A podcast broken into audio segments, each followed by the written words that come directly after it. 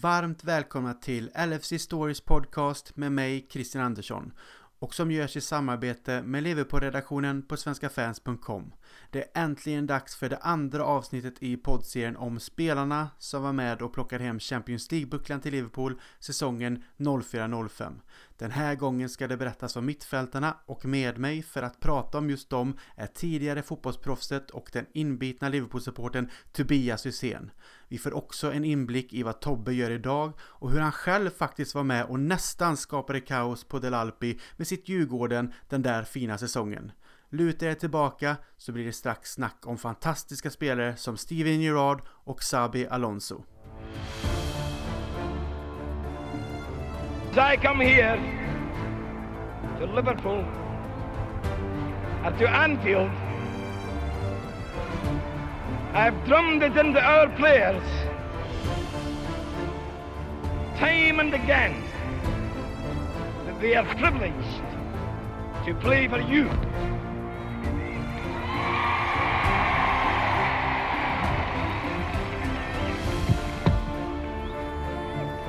And if they didn't believe me, they believe me now.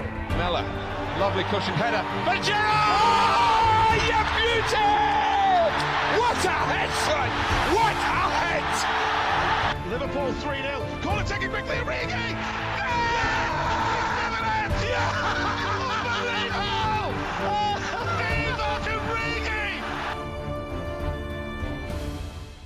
Hej Tobias! Välkommen till LFC Stories podcast. Hur är läget med dig?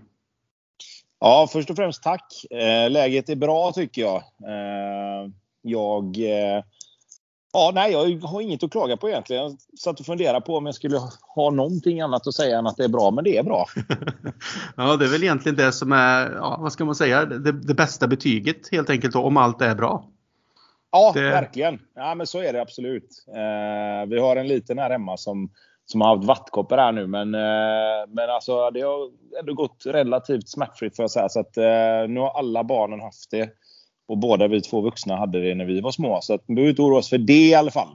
Nej, Eh, det är det faktiskt kan ju vara, kan ju vara samma sak. någonting att glädjas över i, den här, i de här tiderna. Ja, och samma sak faktiskt hemma hos oss. Den lilla har precis haft vattkoppor också. Eh, Möjligtvis stora syster som hade med sig det runt jul fast vi trodde att läget var, var klart så verkar det som att hon har fått det ändå. Men det har också varit lindrigt så att nu har bägge barnen också haft det och jag och sambon och hade det också när de var små. Så nu är vi färdiga med det också. Kan vi ticka Ja. av det båda två då? Ja, precis. Verkligen.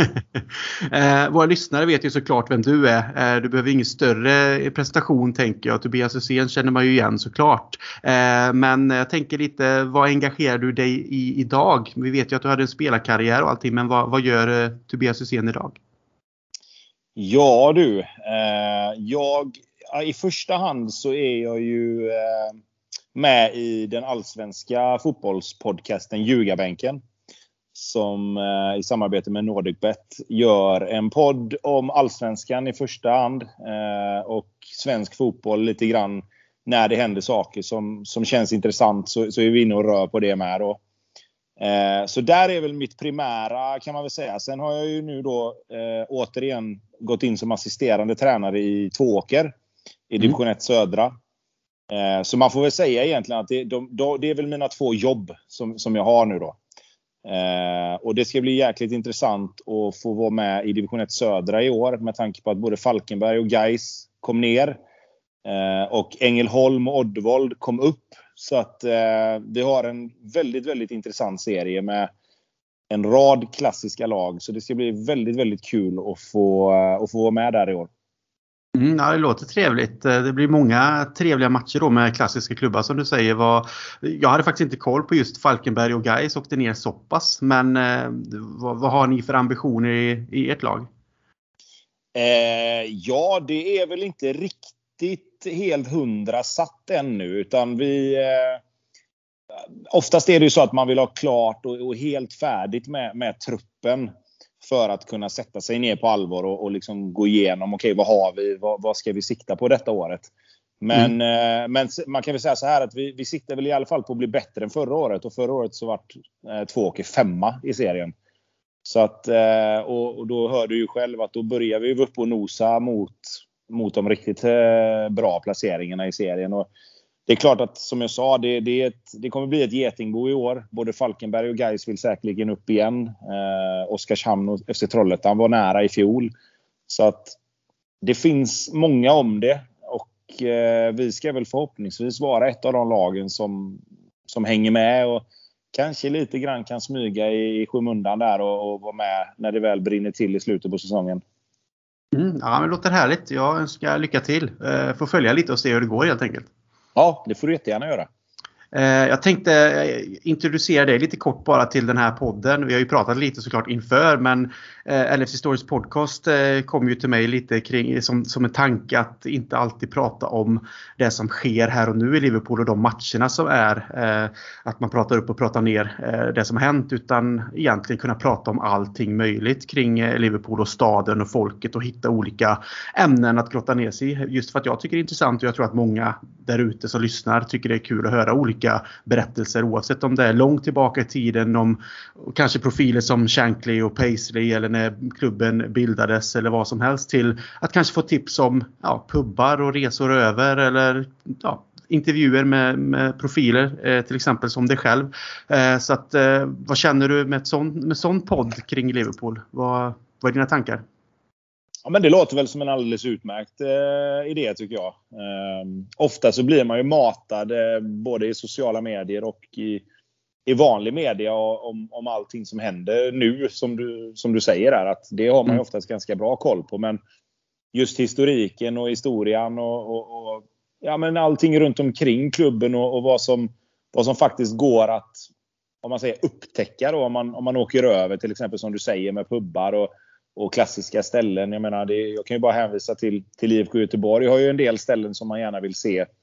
Till exempel där, där klubben grundades och, och Kamratstenen och allt sånt där. Så det är klart att finns mm. det och, Finns det en sån podcast som man kan få lite mer idéer och, och uh, tankar kring och, och, lära sig lite så känns det väl som en fantastisk idé.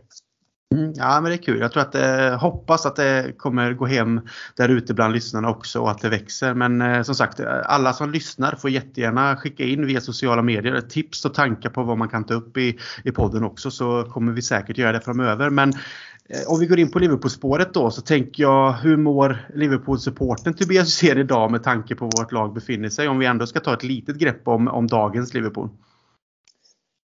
Ja, um Jo, men jag, jag är nöjd ändå. Det får jag väl ändå säga. Jag, jag kan väl tycka att vissa matcher, även när de vinner, så, så känns det som att det blir onödigt spännande. Det känns lite grann som att de, de, de lever lite kvar i det här att de bara kan stänga av och, och ändå döda matcher lite.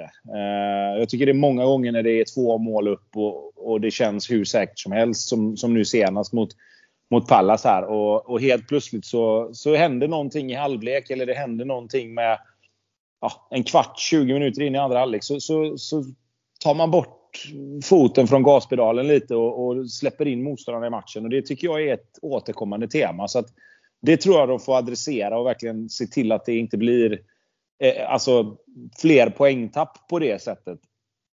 Sen tycker jag ju fortfarande att det finns en höjd i spelet som är helt makalös. Det är väl egentligen bara Ja, det är väl bara City egentligen som, som har den höjden när de är som allra bäst. Eh, vilket gör att jag ändå är nöjd med, med säsongen som den har varit. Det, det, det, blir ju en konstig säsong och det blir ju konstiga säsonger nu när, när, när covid spelar in så mycket som det ändå gör. Sen, sen får man mm. tycka vad man vill om det här med de inställda matcherna och om det är rätt eller fel. Men, men oavsett så påverkar det ju ändå alla lag. Eh, och det handlar väl mer om ibland att ha lite flyt på vilka som blir smittade och inte. Eh, vilket gör att det blir, det, det, blir ju inte riktigt på riktigt på något sätt. Eh, och, och, det kan jag väl känna har varit de senaste åren här nu, vilket gör att, att, att det, det, ska bli kul sen när allting går tillbaka till normala och se om det fortfarande är Liverpool City och nu då kanske eh, till viss del också Chelsea som, som kommer blanda sig i de där eh, topp tre platserna. Mm. Nej, det, jag håller med dig. Eh, allting kring eh, covid såklart och hur det har påverkat ända sedan det bröt ut och hur vi har levt med det som om vi ser bara rent sportsligt och fotbollsmässigt så har det påverkat en väldigt mycket. Först var det rätt tungt sen eh, för att man inte fick fotbollen som man var van och man är väl bortskämd på det sättet. Antingen om man kunde åka över eller då såklart på tvn med, med fulla läktare och helt plötsligt var det tomt och relativt dött och lag påverkades och sen stängdes det ner och var inga matcher. Och sen om vi nu tittar då den senaste tiden så visst, allting har rullat på men det har blivit uppskjutna matcher och man, man har väl någonstans under tiden eh, både vant sig men man längtar ju verkligen till att det normaliseras igen och att man ja, kan åka över eller bara att fotbollen ska få vara den som vi älskar. Liksom. För det är ju en, en, ett break från den vanliga vardagen att kunna ägna sig åt sin fotboll och grotta ner sig i det. Så att eh, man eh, verkligen suktar efter liksom att Corona får försvinna och att fotbollen någonstans bara får lägga sig igen som den här varma kompisen som man kan behöva och hålla handen. Liksom. Ja, alltså exakt så som du säger. Sen tycker jag det blir ju, det blir ju lite chansartat med när, när det har varit som det har varit. Alltså ibland så Ibland känns det som att det har gynnat Liverpool och ibland så känns det som att det har missgynnat. Och det, så är det ju givetvis för alla lag. Medan det finns de lagen som har haft ordentlig jäkla oflyt. Eh, och sen hela det här parodin med vilka matcher som ska skjutas upp och vilka som ska spelas och när de ska spelas. Det blir ju det blir ju tyvärr diskussioner som handlar lite om fel saker för mig. Och då, då blir det, tar, det tar bort lite grann av, av den här sista edgen på allting tycker jag ändå. Så att, eh, vi får mm. hoppas att det återgår till det normala så snabbt som möjligt. Ja, nej, det håller jag med om.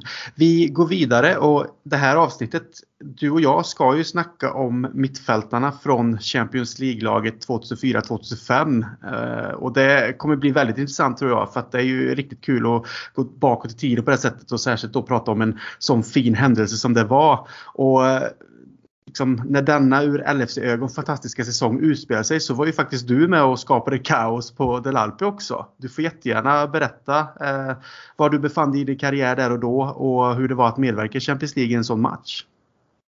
Ja, eh, vi, jag var i Djurgården då.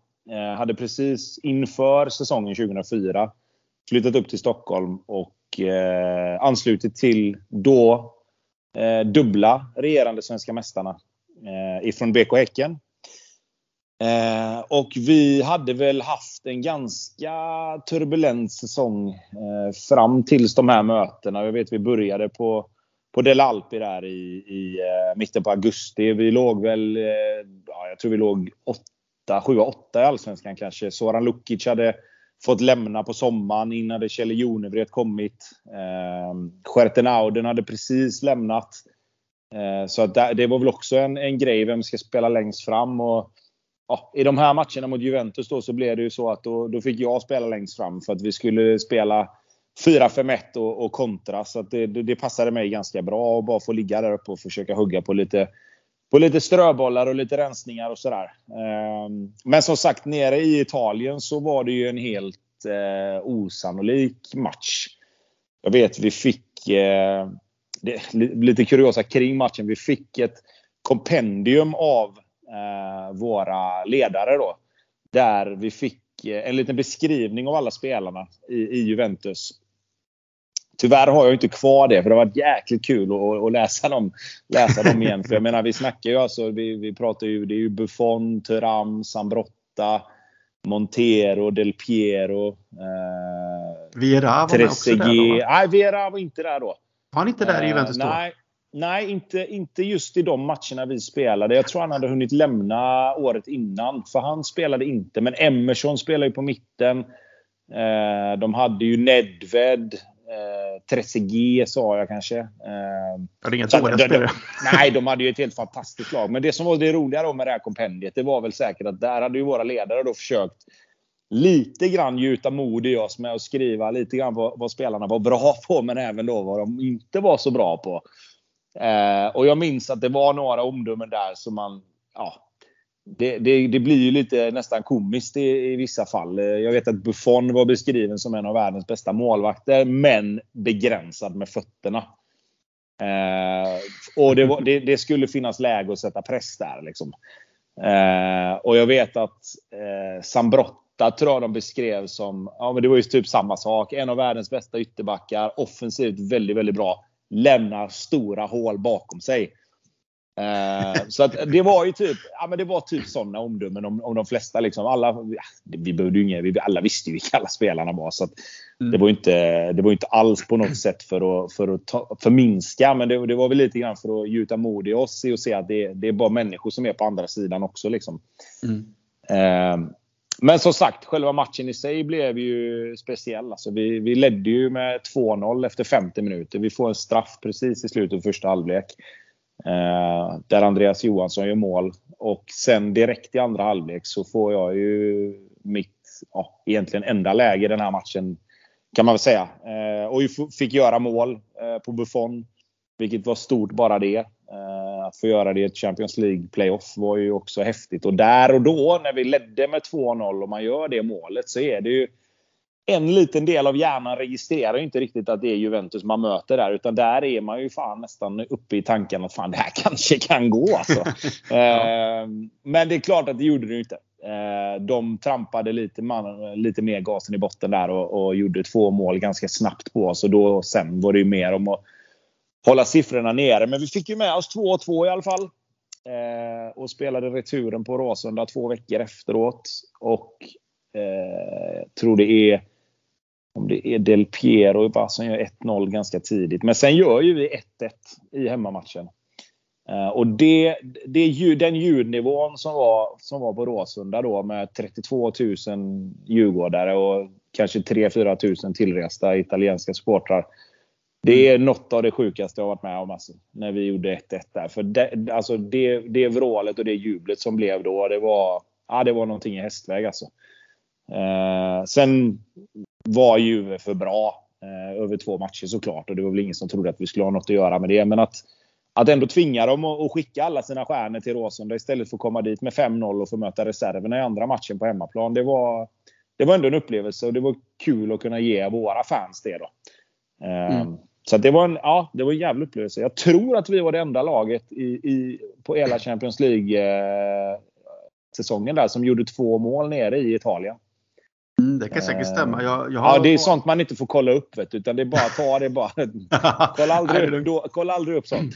Nej, jag har vaga minnen att jag faktiskt stod och tittade på på, på båda matcherna. För att eh, även om jag aldrig haft något så här, eh, favoritlag i, i, Sverige så, så eh, var man ju ändå i den åldern där att man söp in all typ av fotboll även om Liverpool var fokus. Men jag kommer ändå ihåg att man tyckte att det var stort att Djurgården eh, skulle spela mot Juventus och sen då att eh, ni gör det så bra. Så jag kommer ihåg att jag satt och tittade på matchen med några kompisar eh, faktiskt. Och sen har jag inga större minnen av själva matcherna i sig. Men just att eh, ni fick med er resultatet och allt det här. Så att det är ju ändå en liksom historiskt sett sett eh, en, en, ja, en stor grej för ett, ett, klubblag från Sverige som liksom åker ner dit. För det var ju ett sånt stjärnspäckat Juventus också och ändå liksom lyckas skaka dem. Så det är, det är väldigt häftigt att man ändå gör det.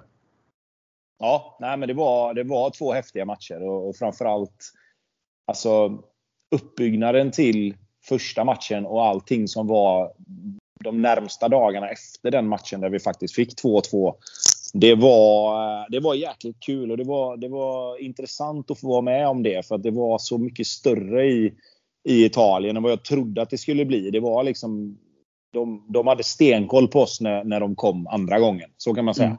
Mm. Mm. Eh, om de inte hade det första gången så hade de stenkoll andra, andra gången. Både journalister och, och spelarna tror jag på ett helt annat sätt. Sen var väl de ganska självsäkra att de skulle vinna andra matchen. Men. Men, men de fick ändå som vi sa, det, det viktigaste för oss där och då det var ju ändå att vi fick dem att få med hela sin startelva egentligen till andra matchen. Så att våra fans kunde få se de här super, superstjärnorna på, på nära håll. Liksom. Mm. Men sen om man tittar på det med Juventus är Juventus som sagt men ni hade ju ett väldigt talangfullt och duktigt lag också. Som sagt, du pratade ju om det att det var dubbla mästarna Djurgården och spelade ju fin fotboll så ni hade ju faktiskt ett bra lag där med av, av vad jag minns. Jo, det hade vi absolut. Eh, och vi, man kan väl egentligen, om man ska tänka tillbaka, säga att de två matcherna mot Juventus kickstartade väl igång, om man säger den, den nästa fasen av eh, det som vi gjorde bra med Djurgården på hösten och sen under hela 2005 egentligen, där vi vann både SM-guld och eh, cupguld. Och vi vann ju cupguldet på, på hösten där 2004 med då. Mm. Eh, vilket mycket säkert går att tillskriva de två matcherna mot Juventus. Att vi fick lite självförtroende igen. Och de spelarna som var nya och man, man, man, slutade prata kanske lite grann om, om, Kim Källström och Isaksson och Elmander och de här som hade lämnat. Utan då var det de som var på plats som fick, som fick lite större rubriker. Och jag vet att vi, vi kände väl det själva också. Att nu, nu, nu gasar vi och nu kör vi. Liksom. Så nu, får vi nu får vi sluta fundera på de som inte är här. Mm. Nej, men fullt förståeligt. Kul i alla fall att ha det med sig i bagaget. Nu låter det som att det var negativt, men eh, positivt i positiv bemärkelse menar jag såklart. ja, precis. Ja, ja. Nej, det, var, det var en positiv upplevelse, absolut. Mm, härligt. Och Juventus som sagt visade sig bli Liverpools motståndare i kvartsfinalen och vi lär snudda på den matchen under avsnittets gång här. Så jag tycker att vi sätter väl igång och börjar gå igenom mittfältarna i, från Liverpools lag den säsongen. Vad tycker du? Det gör vi absolut. Fint. Vi börjar då med en norrman, John Arne Riise helt enkelt. Eh, född 1980, så är 42 år i år. Eh, kom fram som stor talang i norska Alesund, flyttade till Monaco 98 efter endast en seniorsäsong i Norge så var ju en stor talang som fick chansen att eh, flytta utomlands helt enkelt. Eh, var med och vann franska ligan 99-00 men tappade sin plats efter att han önskade sig bort från klubben. Eh, flera Premier League-klubbar ska ha varit intresserade under 2000, bland annat Fulham och Leeds. Men istället blev det då Liverpool 2001 för cirka 4 miljoner pund.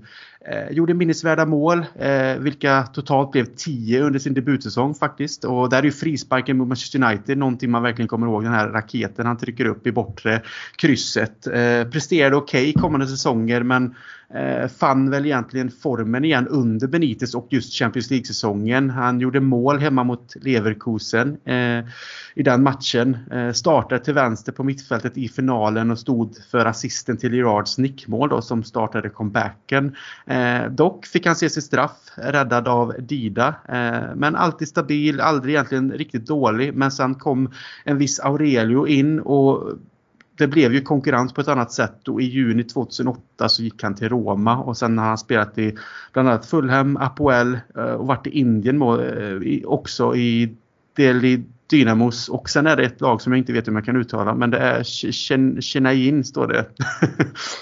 Eh, på ett bara så här två månaders kontrakt. Och sen har han ju varit i andra roller senare efter karriären. Då. Han har varit bland annat sportchef för en klubb på Malta och tränat i olika lag i Norge och är nu i ja, man säger väl Avaldsnäs eller Ovaldsnäs, jag vet faktiskt inte. Men eh, verkar som att han ändå försöker någonstans på en tränarkarriär. Vad är dina tankar och minnen om Jan-Arne Riise från den säsongen? Eh, ja, alltså när jag, när jag fick frågan här och fick spelarna som, som det handlade om att vi skulle prata om så försökte jag tänka lite grann. Har jag något direkt minne av spelarna just från den här säsongen eller har jag mer alltså ett, ett övergripande minne av spelarna. Och det är klart att mycket blir ju att det går ihop. Att mm. säsongerna går, går samman lite. Eh, det jag kommer ihåg från 04-05 är väl egentligen att han eh, Alltså att, att han var liksom viktig i, just i finalen då. Jag vet att man, eller i alla fall jag reagerade lite grann när han skulle spela vänsterytter i finalen. Jag hade tyckt att det var bättre att ha någon som vänsterback. Uh, Istället för den fina Jimmy Traoré. ja, men lite, lite så. Sen, sen, tror jag väl att, sen tror jag väl att tanken från Benitez då kanske var att få, att få lite defensiv stabilitet. Liksom. Uh, och att han satte Riese framför Traoré, det, det, det, var väl ganska givet. Traoré kändes inte direkt som någon stabil pjäs. Uh, och, och, det var väl... Ja, det, det, det, blev väl som det blev. Liksom. Det var väl inga konstigheter med det. Men Riese för mig när jag tänker tillbaka på John Riise så, så, tänker jag honom som vänsterback. Eh, mm. det, det, är liksom, jag vet inte rent statistiskt om det, om, det är, om det är rätt eller fel, men för mig var han vänsterback. Eh, och framförallt var han väl den vänsterbacken de senaste åren som verkligen kan mäta sig med de som har varit de allra bästa i, i klubbens historia. Eh, nu har vi fått in Andy Robertson som verkligen kommer ta upp kampen på riktigt om, om om de här topplaceringarna. Men innan dess och efter dess så har det inte varit Alltså det, det var ju ett tag innan dess där det var en riktigt, riktigt bra vänsterback. Eh, tycker jag. Det, vi får ju gå tillbaka till ja, men Steve Staunton kanske någonstans ska blanda sig i. Men annars är det ju typ Alan Kennedy, Ronnie Moran. Eh, som har varit de som har varit liksom på den nivån. Och jag säger inte att Riese kanske jag tycker kanske inte att Riese blandar sig i riktigt där i, den, i, i topp 3-4 där någonstans kanske. Men inte, inte i allra högsta toppen. Eh, men det som man framförallt kommer ihåg är ju hans skott. Alltså hans, hans enorma jävla bussar. Eh, fin vänster då ja. Ja men verkligen. Och liksom inte bara, inte bara med, med liksom frisparkarna som han gjorde. Utan han hade ju några rider där han kom löpandes längs med kanten. Och, och man tänker att okej, okay, nu, nu finns det ändå läge att skjuta. Liksom. Eh, och, och, då drar han ju liksom missiler verkligen. Alltså sträckta vrister in i bortre. Och det ser ut som bollen knappt Alltså den är ju en decimeter över marken hela vägen in i mål. Mm. Eh, men också liksom ändå relativt stabil bakåt tycker jag. Eh, hade väl kanske sina, sina absoluta styrkor i offensiven såklart. Men jag tycker ändå att, han, att, han, att man glömmer av att han var rätt, han var rätt fin bakåt med under, under sina bästa år. Så att, eh, absolut en, en, spelare som har en plats i, i historien och framförallt då när han, när han dessutom får vara med och vinna Champions League så, så, eh, så väger ju det kanske upp för att det inte riktigt gick lika bra i, i, i seriespelet alltid. Mm. Jag håller med och jag ser också John Riise som en vänsterback först och främst. Eh, kan ju berätta för lyssnarna att jag har utgått från, eh, likt jag gjorde i det förra avsnittet med Pontus Weinemo där vi gick igenom, gick igenom målvakterna och försvararna, så jag har utgått från eh, startuppställningen i finalen just för att det är den matchen man, man minns mest eh, från eh, den säsongen såklart i Champions League. Men eh, sen eh, är ju han en vänsterback kanske i grund och botten. Men som du nämnde också Tobbe då att Benitez valde att sätta honom framför en Jimmy Traoré både för att få stabilitet bakåt och hjälpa till men också ha en offensiv farlig fot med inlägg och skott och sen någon som orkar springa upp och ner också i en match som mot Milan med de spelarna. Så att, eh, eh absolut. Eh, först och främst kanske man ser honom som där men eh, gjorde ju ett mittfältsjobb i i Champions League på en vänsterytterplats. Och, eh, ja, i, i, finalen så spelar han ju en stor roll just för att han eh, springer mycket och kämpar men att han också slår inlägget då som jag nämnde som Gerard sen gör eh, nickmål på. Så det blir ju ändå att han får spela en, en stor roll i det men eh, skapar ju också nervositet sen på slutet eftersom att Dida räddar hans straff. Det är väl en typisk kanske vänsterfotstraff om du kommer ihåg den. Det är väl nere i liksom, sitt egna vänsterhörn om man säger så från skottperspektiv som han lägger den och det känns som att det känns som att det är rätt så eh, vanligt bland vänsterfotare. Jag vet inte. Vad säger du? ja, jag, jag, jag tycker ju... Alltså nu ska inte jag egentligen lägga mig i det här med att skjuta straffar eftersom jag är fullständigt bedrövlig på det själv.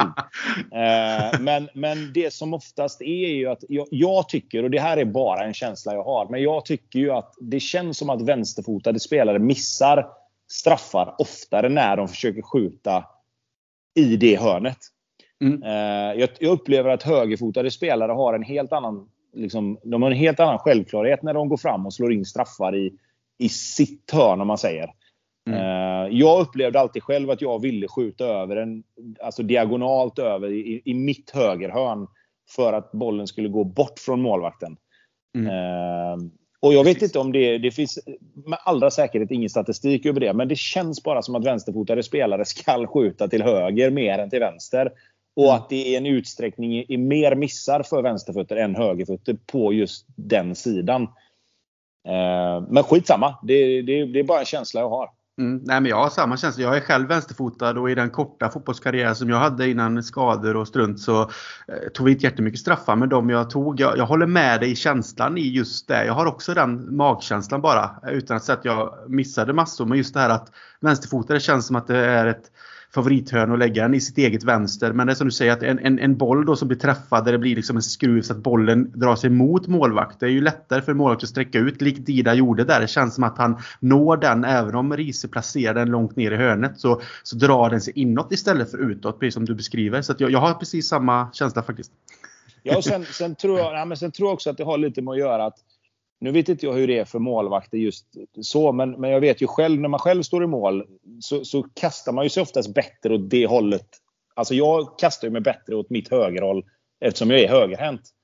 Och i och med att målvakterna då oftast kanske är högerhänta och har lite, kanske oftast lättare att slänga sig åt det hållet. Så blir det ju liksom fel från båda hållen. Att målvakten vill ha den i det hörnet och så skjuter man dåligt i det hörnet. Mm. Uh, så jag vet inte, det kan ju spela in också kanske.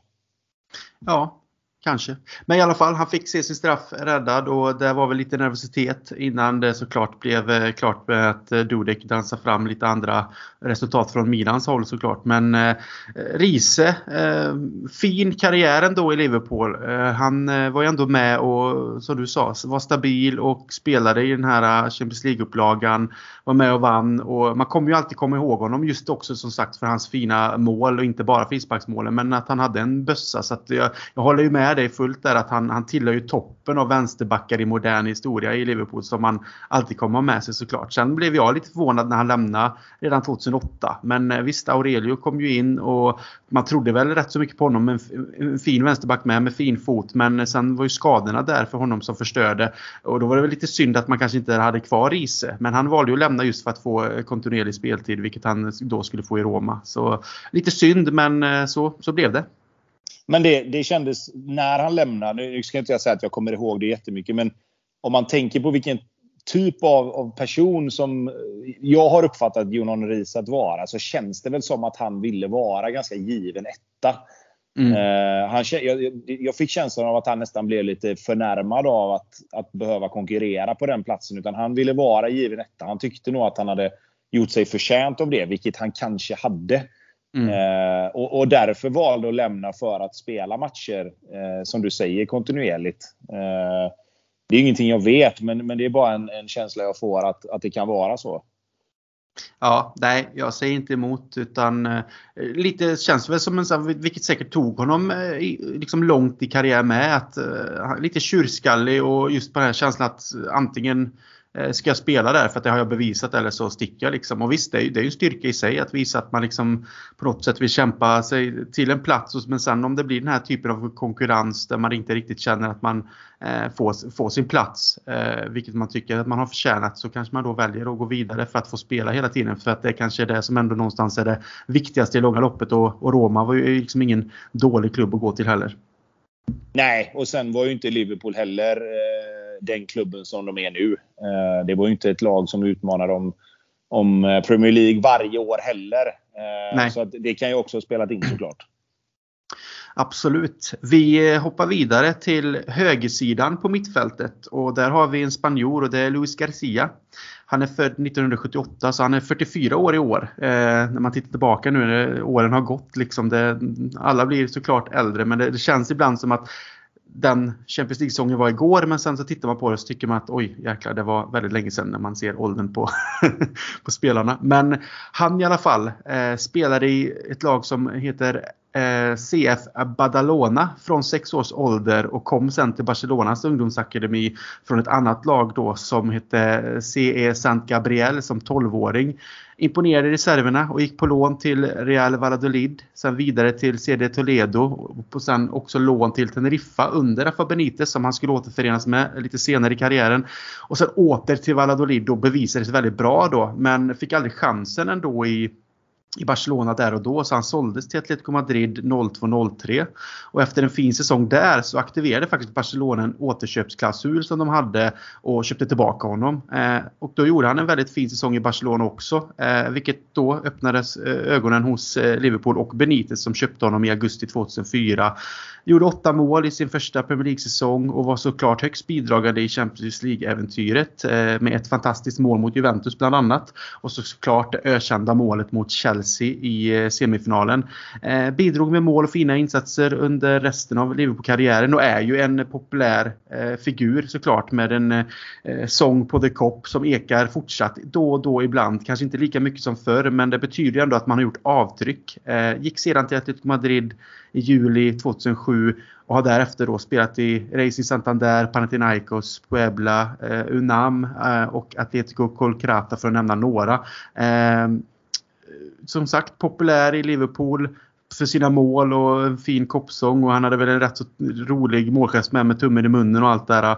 Idag arbetar han som fotbollsexpert och lite analytiker för ESPN eh, och är väl aktiv på sociala medier där han ofta kopplar till sin Liverpool-karriär. Och ja, jag har fina minnen av Luis Garcia i alla fall. Han bidrog med någonting nytt till ett visst Liverpool-lag, lite teknik och flair sådär. Vad, vad är dina minnen? Ja, men jag håller med dig. Eh, det var väl det. Han kom ju in som han kom in som en frisk fläkt, tycker jag. Eh, jag vet att man tänkte när, när han gick från Barcelona, det, det kändes som att han var på väg att slå igenom rätt ordentligt i Barca och därför blev jag lite förvånad när han, när han kom till Liverpool. Eh, mm. För det var en sån spelare som, som jag kommer ihåg att man liksom tänkte att okej, okay, men den här gubben, han, han kommer bli bra. Eh, lite samma som man kände med Quaresma när han kom fram. Att fasiken, nu där finns någonting liksom. Mm. Absolut. Eh, så när han kom till Liverpool så kändes det som, som en värvning. Som oh, det, här är, det här kommer bli bra. Eh, och det blev det ju. Sen blev det väl kanske inte... Det kanske är hård i och för sig, men det blev väl inte riktigt ändå så bra som man kanske hade hoppats. Alltså, han var ju fantastiskt många stunder, men jag hade nog kanske tänkt att han skulle vara på ytterligare en nivå eh, när han när han lämnade. Att man skulle, att man skulle liksom kunna säga att ja, men nästan, nästan något mellanting mellan där han var och där kanske Coutinho var när han lämnade. Mm, eh, kanske, kanske till och med närmare där Coutinho var. Eh, men i enstaka matcher så, så var han ju uppe och touchade på den nivån och jag tycker att Alltså som, som vi sa där, liksom tekniken och, och, och liksom elegansen. Han liksom flöt förbi motståndare. Och kunde skjuta med båda fötterna. Eh, bra passningsspelare och, och, och, kunde spela lite överallt på, på, på, den offensiva delen av plan. Så att jag kommer ihåg Luis Garcia som en spelare som, som jag gillade väldigt, väldigt mycket. Eh, och, och, och, tyckte väl... Kändes när du sa att han lämnade så tidigt. Jag trodde, tyck, trodde faktiskt han... Känns som han var där längre än vad han var. Ja, Nej, men den känslan har jag också. Så jag blev själv lite när jag grottade lite inför det här att fastän han, han var ju inte i klubben jättelänge men det känns som att vi hade honom rätt så länge och han gjorde ju rätt så många matcher med. Lite skadad men tror ändå han var uppe på en ja, 100 plus någonting såklart under de åren och, och, gjorde ju en del mål. Och som jag nämnde här med att han gjorde ju ett fantastiskt mål mot Juventus i, i första matchen. Eh, Hyppie gör mål och sen är det ju Garcia som lyfter den på en halvvolley långt utanför straffområdet lite till, vad blir det? Det blir ju uppe till från Buffons eh, syn så är det uppe till vänster så att den får, ju en båge och går över honom som är riktigt, riktigt snyggt. Så det, det mm. kommer man ju ihåg absolut. Och sen såklart att det är han som får målet mot Chelsea i semin med när han slår in den som det här spökmålet som andra kallar det medan vi Liverpool-supportrar anser att det är såklart såklart över linjen. Men det är också en sån där, liksom definiera hans eh, karriär i Liverpool att eh, han var, fanns där när det verkligen eh, gällde och han levererade de här typerna av mål och sen eh, över linjen eller inte. Men det är ändå han som är där och han är där och hugger när Peter Cech är det väl som drar ner Baros. Så det, man kan diskutera att det faktiskt hade kunnat bli utvisning och, och, och, straff i den situationen. Istället fick vi ett mål med oss som sen tog oss vidare. Så, men eh, nej, en spelare som man minns med värme, precis som du säger med och att han faktiskt inte var det så länge som det kändes som. Men eh, också en spelare som bröt lite trend som vi var inne på just att eh, kunde då spela på många positioner och flöt fram som du nämnde också. Och det var ju någonting som Liverpool inte riktigt kanske hade haft på det sättet på ett tag och som gjorde någonting med laget den säsongen också under Champions League. Han var ju väldigt bidragande. Ja, han var ju bästa målskytt om inte jag kommer ihåg fel. Eh, låtsas jag som jag säger, men det har jag ju givetvis kollat upp. Um, nej men, jag, nej men jag, jag, jag, jag, säger igen där att precis som du säger att han var liksom en spelare som inte riktigt hade funnits innan på den delen av plan. Alltså man kan tycka att Michael Owen flöt fram och man kan tycka att ja, men Robbie Fowler, John Barnes och de här liksom flöt ju och gled ju fram med elegans. På ett, på, men på ett mm. lite annat sätt ändå. Eh, lite här. lik McManaman kanske ändå i sin stil fast ändå inte. Förstår du vad jag menar alltså, när jag McManaman var, Ja, och McManaman tycker jag, det var lite mer, alltså han, han var ju, det var ju en annan, en annan sorts kraft. Han var ju mer, han kunde ta sig fram på samma sätt men där var det ju mer på ren jävla kraft. Alltså han var ju, han var ju större spelare, lite gängligare spelare. Liksom han, mm. han, han, han flöt liksom inte fram utan han är lite mer så här. Nu tar jag fart och så bara kör jag. Eh, sen hade han ju en jävligt funktionell teknik i det här, McManaman. Men, men jag skulle... Alltså positionsmässigt och genombrottskraftsmässigt så kan jag absolut hålla med. Men jag skulle nog inte jämföra Luis Garcia och Steve McManaman på det sättet. Uh, men, men, absolut, om man tittar på vad de fick ut av, av det de gjorde så, så var det ju kanske ganska lika. Men kanske lite mer som du nämnde att det fanns en slags Coutinho-känsla i Garcia. Det här med att kunna spela på olika positioner och i ett typ av hål och kunna vända upp och vara lite tvåväg och vända, liksom vända ut spelet på olika sätt. Men också då finnas och, och kunna eh, rent offensivt såklart bidra med mål men också få in de här små passningarna till anfallarna. För det kändes som att han alltid var lite gubben i lådan också oavsett om han spelade ute på en kant eller om han också drog sig in i planen Garcia. Ja, och så precis som du säger det här med att, att kunna vända upp emellan, alltså det kallas ju om man säger mellan linjerna då, liksom mellan lagdelarna. Det, det var mm. inte, alltså det, det, ska man ju komma ihåg också att det var inte supervanligt under de här alltså perioderna som, som var. Det var ju inte supermånga spelare som, som var bra på det där. Alltså. Eh, utan du var ju antingen var du ytter eller så var du forward. Det var ju, alltså nummer 10 positionen fanns ju såklart. Men, men det var ju inte så där att man att man tänkte att okej, okay, hur många solklara nummer 10 finns det under den här perioden? Och Liverpool hade väl kanske framförallt inte haft just en nummer 10 på det sättet. Eh, utan då fanns det ju som du säger McManaman, men han var ju högerytter och John Barnes han var ju vänsterytter eller mm. ja, kanske då lite släpande forward i vissa matcher. Men han var ju, det, var, det fanns ju liksom inte riktigt den, den spelartypen heller. Så, att, så just det som han kom in med där, det var ju kanske lite startskottet på att titta åt ett lite annat håll vad gäller ja, men spelarroller och spelarkvaliteter. Så. Mm, och kanske såklart, han var ju en del av i den spanska revolution, revolutionen med som, som Benitez startade såklart eftersom att han värvade honom och ett gäng andra spanjorer. Alla lyckades inte medan vissa andra lyckades jättebra. Och det öppnar ju också upp ögonen för, för andra spelare ifrån till exempel ja, Spanien och Italien till, till Premier League. Eh, som senare har kommit just för att det kanske skapar en annan inblick i vad, vad som faktiskt fanns nere på kontinenten att hämta för relativt billiga pengar och vad du fick i en spelare. Ja, nej men precis. Eh, och det är ju så. Så är det ju med alla så är det med alla liksom sådana saker. Alltså, du, du måste ju, du, någon måste ju gå i bräschen och någon måste ju visa att, att, att det funkar. Alltså, då, då, då vet man ju okej, okay, de här spelarna de löser, alltså de här spelarna med den här tekniken och lite annan spelstil och lite annat spelsätt och tänk löser ändå Premier League. Ja men då så, fasken, då finns det ju mycket mycket annat som de har som vi kan ha nytta av i, i den här ligan och framförallt i Liverpool. Mm. Nej, vi får väl eh, ändå ge Garcia allt det där fina och tacka honom för den säsongen och vad han bidrog med. Som sagt, har man inte sett hans mål mot Juventus så tycker jag att man kan gå till Youtube och kolla det. Det är riktigt snyggt. Och sen såklart finns det många andra fina mål han har gjort om man nu är intresserad av det. Och sen har man inte hört den, vilket jag tänker att alla egentligen har, men har man inte hört hans koppsång så kan man ju lyssna på den med. Den har gått igång några gånger när man har varit lite runt om fötterna på olika pubbar i Liverpool. Men även, kommer jag ihåg, när vi var nere och kollade faktiskt på eh, Barcelona bortamatchen i Champions League där 2019 när vi gick och vann fast vi förlorade den matchen innan vändningen på Anfield. Och det är ju så typiskt då såklart att den, den eh, sången ekade ut eh, på ställena vi värmde upp på men sen även på Camp Nou också såklart. För att det blir en koppling och det, det är det jag tycker är kul också att det finns en sång som håller sig kvar. Eh, som gör att han alltid kommer ha ett, eh, en plats i, i Liverpool-fansens hjärtan. Så att eh, nej, vi får tacka Garcia för det och att det fortfarande finns en liten koppling till det. Vi går vidare och då blir det centrala mittfältet och eh, här är ju en väldigt fin spelare som vi kommer att prata om och det är ju Sabi Alonso.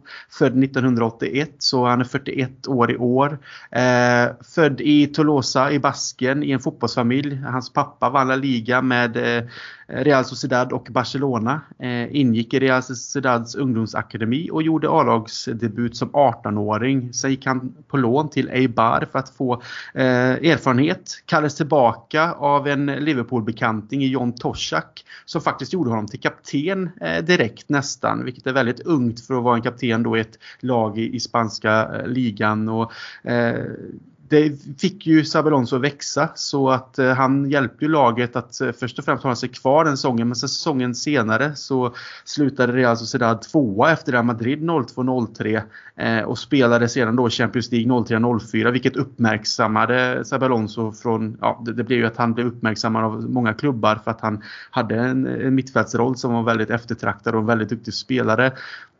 Eh, Real Madrid visade sig vara intresserade där och då men han gick till Liverpool istället i augusti 2004 hade en bra första säsong såklart. Eh, gjorde en del mål, även om det inte var jättemånga, men många fina mål. Visade upp sitt passningsspel och en, sin blick för spelet också. Att vara den här dirigenten på mittfältet. Så vi vet ju sen vad det blev av honom också i den rollen i andra klubbar. Liksom, han fortsätter ju egentligen bara utvecklas hela, hela vägen. Eh, fin och stark insats mot Juventus bland annat. Eh, missade andra möten mot Chelsea då han var avstängd. Och eh, är väl egentligen väldigt mycket eh, minnena kring honom egentligen då sen han satte straffen till 3-3 i finalen efter retur från Dida. Så det är klart att allting ska göras på det yttersta. Eh, given i startelvan såklart och alla säsonger därefter och utvecklades som sagt hela tiden. Eh, gjorde ju en fina mål från halva plan också. Eh, och han var ju en spelare som verkligen kunde styra spelet och göra de här grejerna också och ha en blick för det, att veta när och kunna avväga eh, när det var dags att försöka med de där grejerna. Det är inte alla som kan det heller utan eh, riktigt Riktigt fin lirare. Och sen blev ju den här äh, Alonso och Gareth Barry-sagan då som någonstans startade hela eh, grejen till att han senare gick till Real Madrid i augusti 2009 och representerade därefter Bayern München. Idag tränar för Real Sociedad B i Segunda eh, division och siktar väl på en managerkarriär som det ser ut i sin fina kostym där han går omkring ibland med brillor och kostym och ser riktigt stekig ut. Men Sergio Alonso, vilken spelare Tobbe? Ja, oh, wow alltså. Fy fasiken, det här är... Man mår nästan lite dåligt. ja, men jag, jag, alltså, vilken jäkla spelare det var. Alltså. Eh, både i Liverpool men även framförallt sen. Eh, kanske framförallt i Real Madrid ska man väl säga. Mm. Eh, men shit vilken spelare. Alltså jättefavorit hos mig. Den här generationen. Alltså de, de spelarna som var kring, kring de här åren i Liverpool så är ju... Det, det går ju inte att bortse från från Gerard såklart. Och sen, sen, finns det ju lite andra spelare som kommer senare. Och klart att det fanns spelare då som Owen innan och, och Fowler och de här. Men Xabi Alonso kvalificerar ju sig som en av de absoluta favoriterna hos mig. Alltså. Mm. Man, ehm. man, hade ju inte sett, eller i alla fall jag, alltså jag, hade väl, jag har minnen av att jag såklart såg någon ligamatch där han var inblandad. Men man visste inte så mycket mer och sen när han värvades till Liverpool så blev man ju såhär, ja men, ja, men kul, en, en ung mittfältare som sägs liksom vara väldigt duktig. Men från egentligen starten, sen tog ju han bara kliv efter kliv efter kliv och blev ju en världsspelare. Och det visade sig sen när han hamnade i både Real Madrid och Bayern München och styrde deras mittfält egentligen. Så att, eh, han blev ju så mycket mer än vad man visste när han kom eh, skulle jag säga. Ja, så var det ju. Alltså, och det kan ju också ha med saken att göra att man inte riktigt hade koll på honom. Eh, såklart. Men, men, samtidigt så var det så här. Alltså, jag, jag har verkligen försökt tänka efter här nu och det kan hända att jag missar någon. Men jag, jag, det, vi, vi, har, vi har aldrig haft en sån spelare varken före eller efter egentligen. Alltså. Eh, inte, inte på den nivån som, som han var när han var som allra bäst. Visst, det finns spelare som ah, Jamie Redknapp var bra passningsspelare, absolut. Och det är klart att vissa andra spelare kan, kan in och, och kvalificera sig. Men hela helhetspaketet med honom. Hade han fått vara kvar i Liverpool fyra, fem år till så, så tror jag att hans, hans legacy hade varit på allra högsta nivå. Alltså. Mm. Uh, jag, jag, jag, kan inte komma på någon spelare med den passningsfoten. Alltså det är ju Gerard i så fall, men han, han behövde ju aldrig riktigt spela i den rollen när Xabi Alonso var där.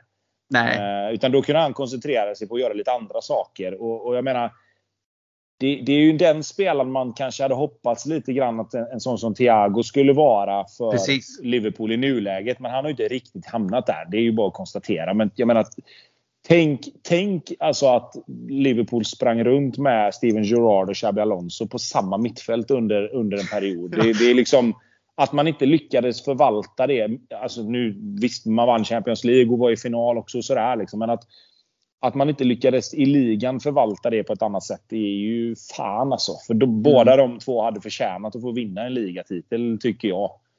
Ja absolut. Vi, och vi var ju på väg uppåt där. Så om man tittar på mittfältet, inte bara Gerard och Sabi Alonso. Det var ju Mascherano och Sissoko var ju ung och var på väg upp där också. Var väldigt duktig när han blev ögonskadad och allt det här. Så att mittfältet i sig om man tittar på just de tre förstnämnda där det är ju ändå spelare som har varit på den absoluta världstoppen under många, många år i sina respektive lag. Då. Gerard och såklart som stannar i Liverpool, men Mascherano i Barcelona, eh, Sabi Alonso i Real Madrid och, och Bayern München. Så att, eh, tänk dig om vi hade fått ha kvar den trion på mittfältet och se det utvecklas med ja, såklart Torres och, och vad som hände sen med Suarez och så vidare. Men istället gick det ju på ett annat sätt för klubben och var tvungna att sälja och så blev det en annan väg innan vi tog oss upp till vad vi är idag såklart. Så att, eh, det är lite så what could Could have been verkligen. Men eh, nej, Sabi Alonso eh, var ju en spelare som, som du nämner, Girard kunde slå de där passningarna också men Sabi hade ju någonting elegant över sig och dikterade spelet och tempot så fint och hade en blick som inte många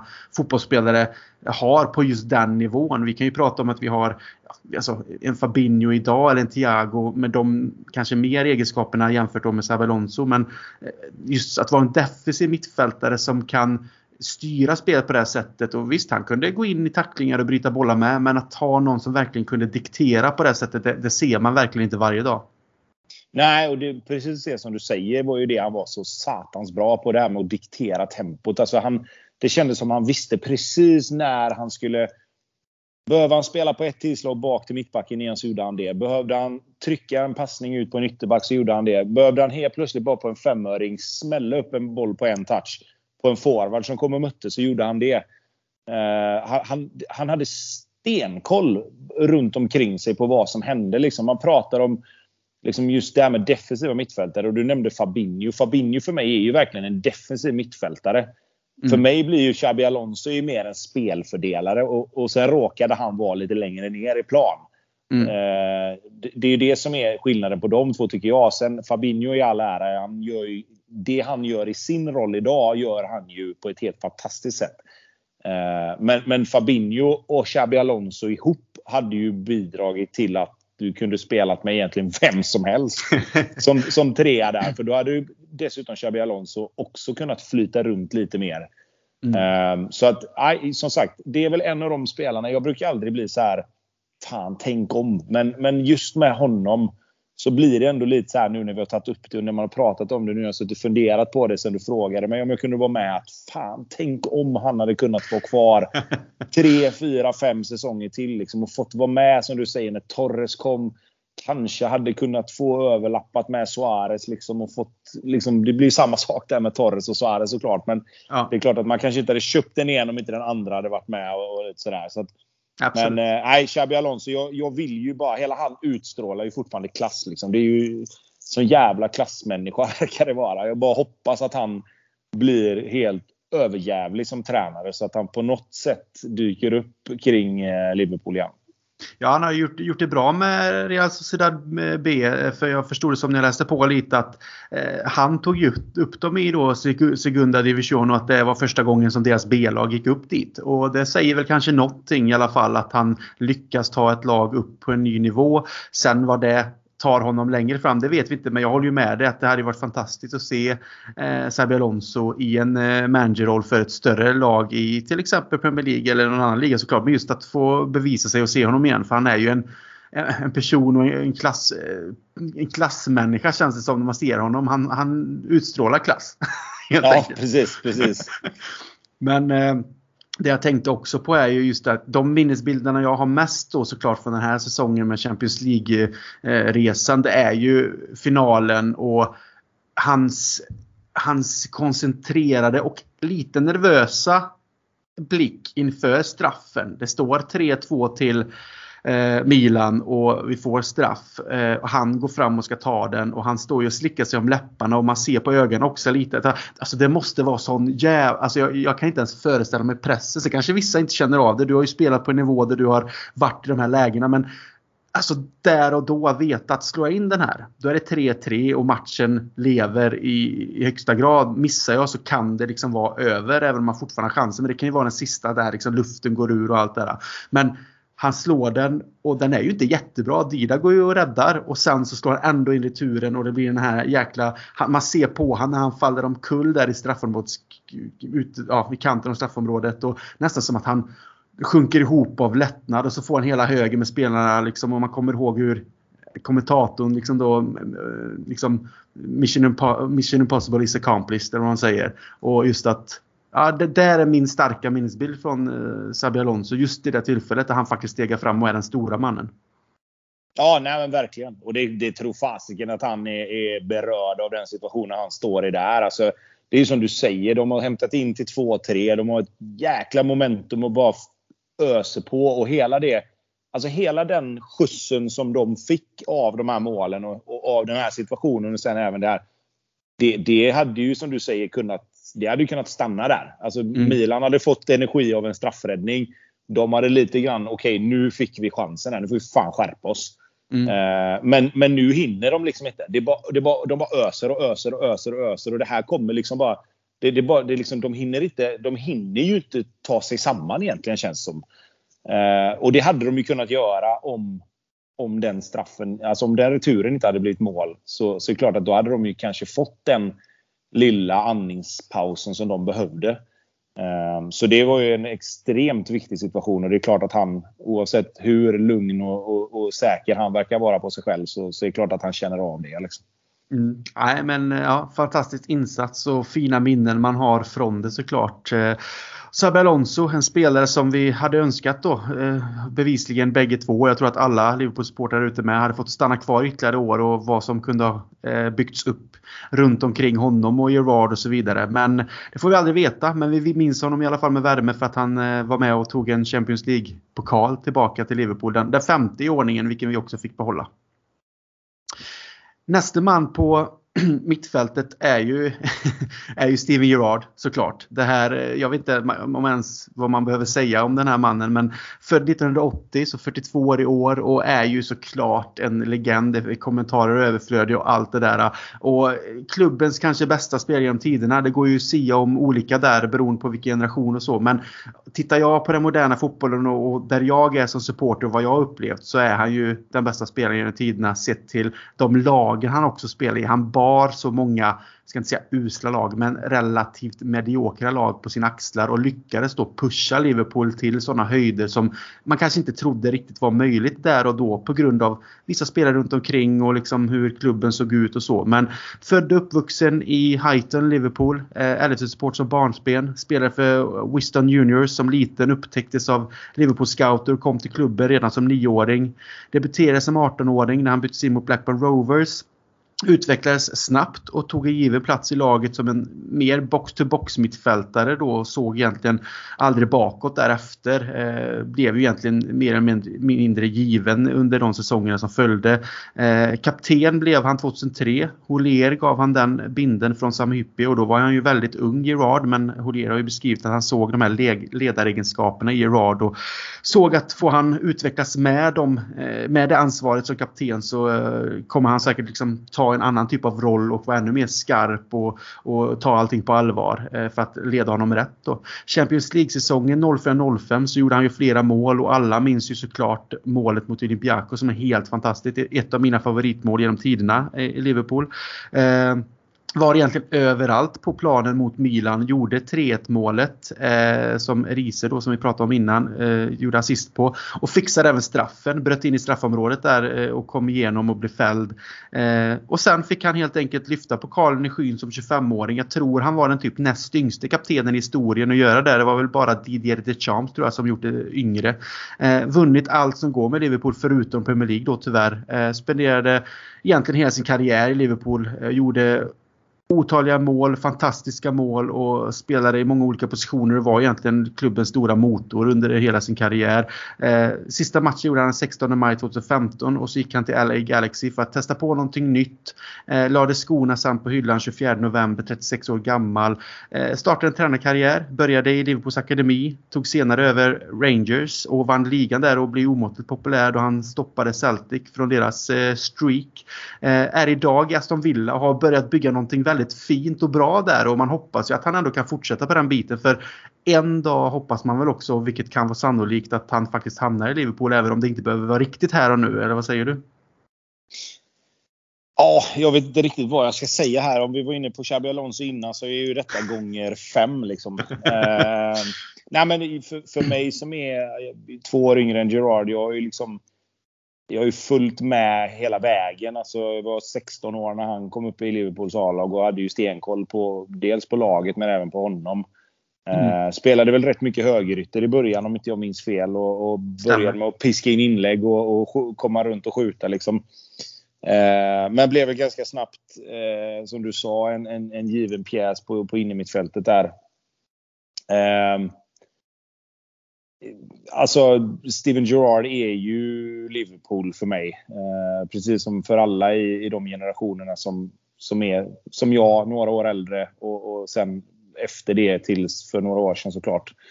Eh, och alltså, det går ju att säga så mycket och, och, och, det går ju att grotta ner sig i så jäkla mycket. Men det, det känns, ju, det känns ju överflödigt att sitta och, och prata om egentligen. För att alla vet ju vad han har gjort. Alla vet ju vilken, liksom, vilket inflytande han hade. Eh, det som jag kommer ihåg, om, om man ska liksom se det från en liten annan vinkel, det är väl hur hur skraj man egentligen var runt ryktena med Chelsea där ett tag.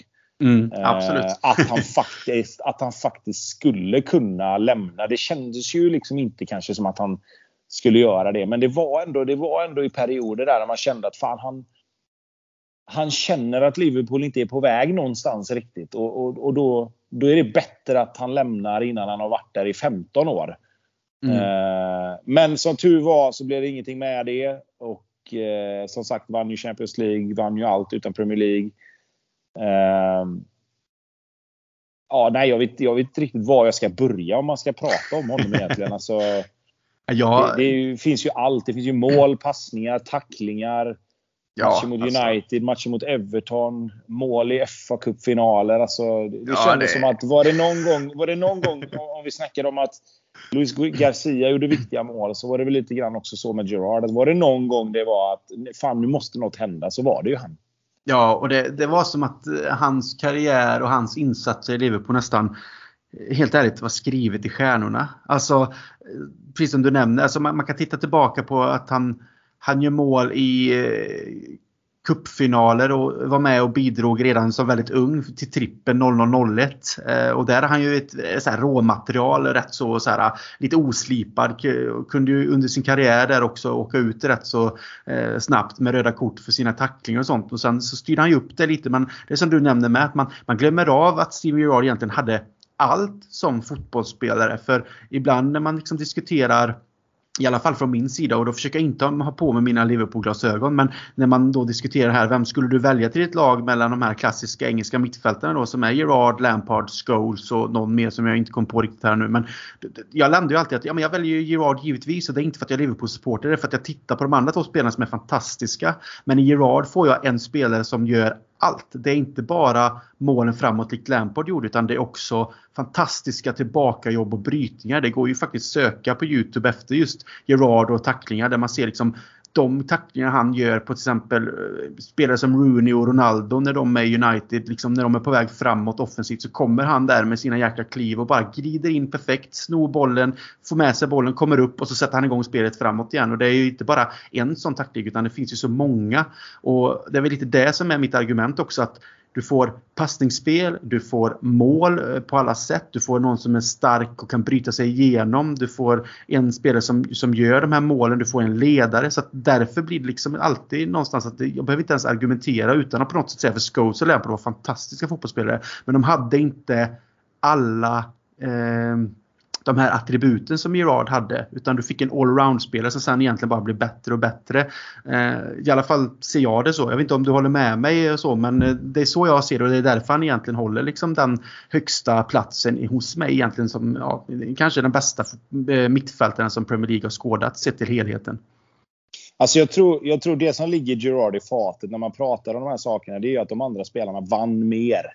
Absolut. Eh, det, det, är ju, det är ju någonstans och, och, och, det är väl det argumentet som, som oftast dyker upp att Lampard han, han gjorde fler mål och han tog Chelsea till, till ligatitlar och, och, han vann Champions League till slut. Och liksom jag hade också tagit Chelsea till ligatitlar i det laget.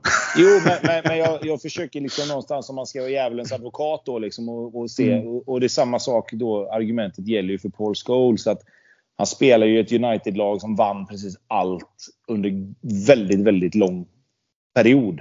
Mm. Eh, jag tror att det hade varit liksom, hade, hade vi bytt plats på några av de här spelarna, man kan aldrig göra det för du vet aldrig om de hade varit lika alltså, värdefulla för ett annat lag än det laget de spelade i. Men jag säger att hade, hade Gerard spelat i Manchester United och gjort samma saker som Paul Scholes, alltså vunnit lika mycket som Paul Scholes hade gjort, så mm. tror inte jag att det hade varit någon diskussion om vem man hade tagit som var bäst. Eh, inte för att Gerard i hästlängd är bättre än vad Paul Scholes är, men hade, hade, hade Gerard haft Paul Scholes meritlista så tror jag inte att det har varit så mycket diskussion egentligen. Eh, just för att, som du säger, att Gerard hade liksom mer eller mindre allting. Eh, Paul Scholes var mer också, kunde göra det mesta. Liksom.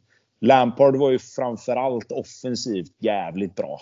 Mm. Eh, kanske bättre än både Scholes och Gerard om man ska vara helt ärlig i det spelet. Alltså han var ju helt enorm i att komma i, i rätt yta in i straffområdet, få bollar, göra mål. Sjuk avslutare. Alltså det glömmer man. Alltså Gerard, visst, Scholes också. Gjorde många spektakulära mål. Men Frank Lampard, om vi nu bara ska landa färdigt den här diskussionen, var ju en helt magisk avslutare. Mm, alltså, han, gjorde, han gjorde mål som en forward egentligen. Mm, alltid perfekt um, placerad utanför boxen. Liksom, och ja, men precis. precis. Bollar, liksom. uh, men, men som jag sa där, jag, jag, håller med dig om att Steven Gerrard för mig var den mest kompletta fotbollsspelaren av de här tre. Uh, och jag tror, som jag sa, att hade han haft samma meritlista som de andra två så tror inte jag att folk hade kunnat argumentera mot det. Nej, uh, det... Men jag tycker att det är ett argument att ändå väga in i det hela. Liksom. Ja, nej, det, det ser jag inte emot och det, det, kan man ju se på det sättet att hade han vunnit mer så kanske han haft en högre status bland, bland eh, supportrar rent allmänt. Men jag brukar också ta det då såklart bara för att ta det lite kring den här diskussionen med att Visst, men det som Gerard också gör honom stor enligt mig det är ju att han faktiskt som jag nämnde, han, han lyfter ju ett lag med ja, men relativt, jag ska inte säga mycket sämre fotbollsspelare än honom själv, men inte på samma nivå. Eh, förutom i några upplagor såklart. Vi pratade Sebbe Alonso innan Mascherano och de här och när han hade samarbetspartner med, med, med Torres och Suarez. Då, då, då fick han ju spe, eh, alltså spelare som var jämlika på det sättet att han fick sina lekkamrater och det såg man ju att han, han blomstrade ju i det också och vann kraft i det. Men det är just att han faktiskt lyfter ett Liverpool-lag i många stunder som inte alls innehåller så jättebra spelare men får ändå dem att, och vinna saker. Till exempel FA-cupen 2006. Det, det, är inget dåligt lag men det är heller inget ett av de bästa Liverpool-lagen vi har sett. Men han går ju faktiskt nästan vinner den på egen hand. Han är en jättestor eh, spelare i finalen mot Milan där han liksom spelar fan överallt på planen nästan. Det känns som att han allround totalt och är med och liksom kämpar och så gör han mål och är en sån, har det där inflytandet. Och det är ju typ det är inte bara de matcherna. Han har ju klivit fram som i många andra matcher med. Det krävs att vinna som handlar om tre poäng i Premier League såklart. Men det är lite där jag tar det då att han hade den förmågan medans, och det tar man ju inte någonting från Scholes och Lampard på det sättet. Men de spelar ändå lag där många, många spelare runt omkring dem också bidrog och var på en lika hög nivå. Vilket gjorde att hela laget i sig själv var bättre. Det är därför såklart det hade varit väldigt intressant att se Gerard under en längre period i sin karriär i den typen av lag. Till exempel i ett lag som Liverpool idag hade det varit fantastiskt att se eh, Gerard i sin prime. Ja absolut och det, det är ett argument alltså, så, så, så gott som något för, för hans eh, sak. Och jag hade också valt Steven Gerard. Men det hade jag gjort alla dagar i veckan oavsett vad frågan hade varit.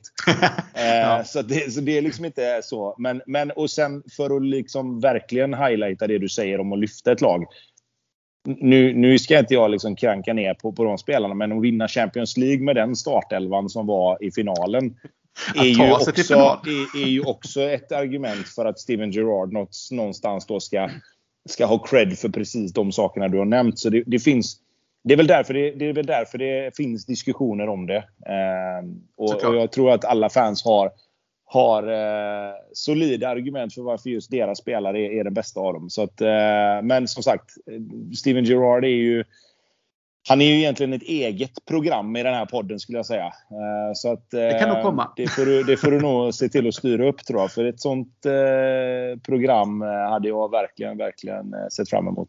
Mm, jag har bjudit in honom, jag väntar bara på ett ja. Ja, precis. Ja, men det är helt rätt. Det är helt rätt. Ja, nej, men eh, om vi ska vara lite seriösa igen då så jag tänker ju det, det som är i mitt minne såklart, jag säkert ditt också, men det här målet mot Olympiakos eh, när vi måste vinna med två bollar och det blir 3-1 då eftersom att både Pongol och eh, Neil Meller har kommit in och gör mål och de kommer ju komma i ett senare program när vi pratar anfallare. Men eh, Gerard sen kliver fram ifrån den ytan. Eh, skriker att han vill ha bollen i ytan och får den från, det är väl Neil Meller som nickar ner den faktiskt.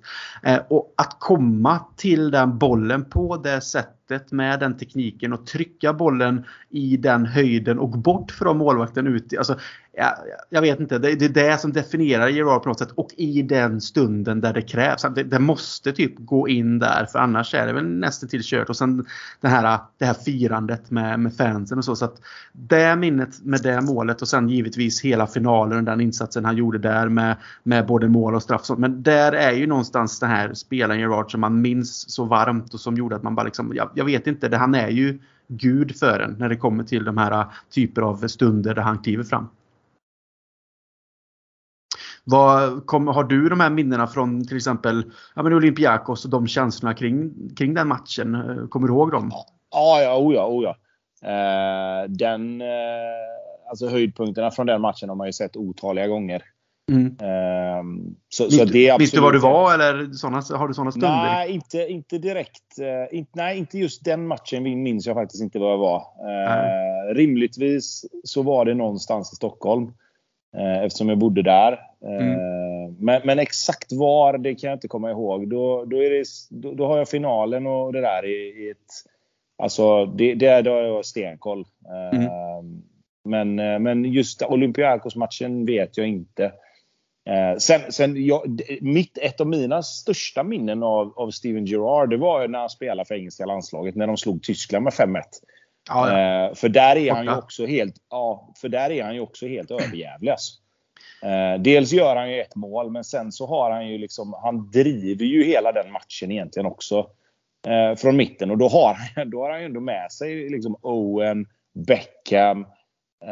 Det är väl, vem är det som spelar bredvid honom på mitten? Om det, det är väl Scholes va, som spelar bredvid honom tror jag. Ja, det kan det vara. Kommer inte helt ihåg, jag har en känsla av det också. Mig att han var med ja.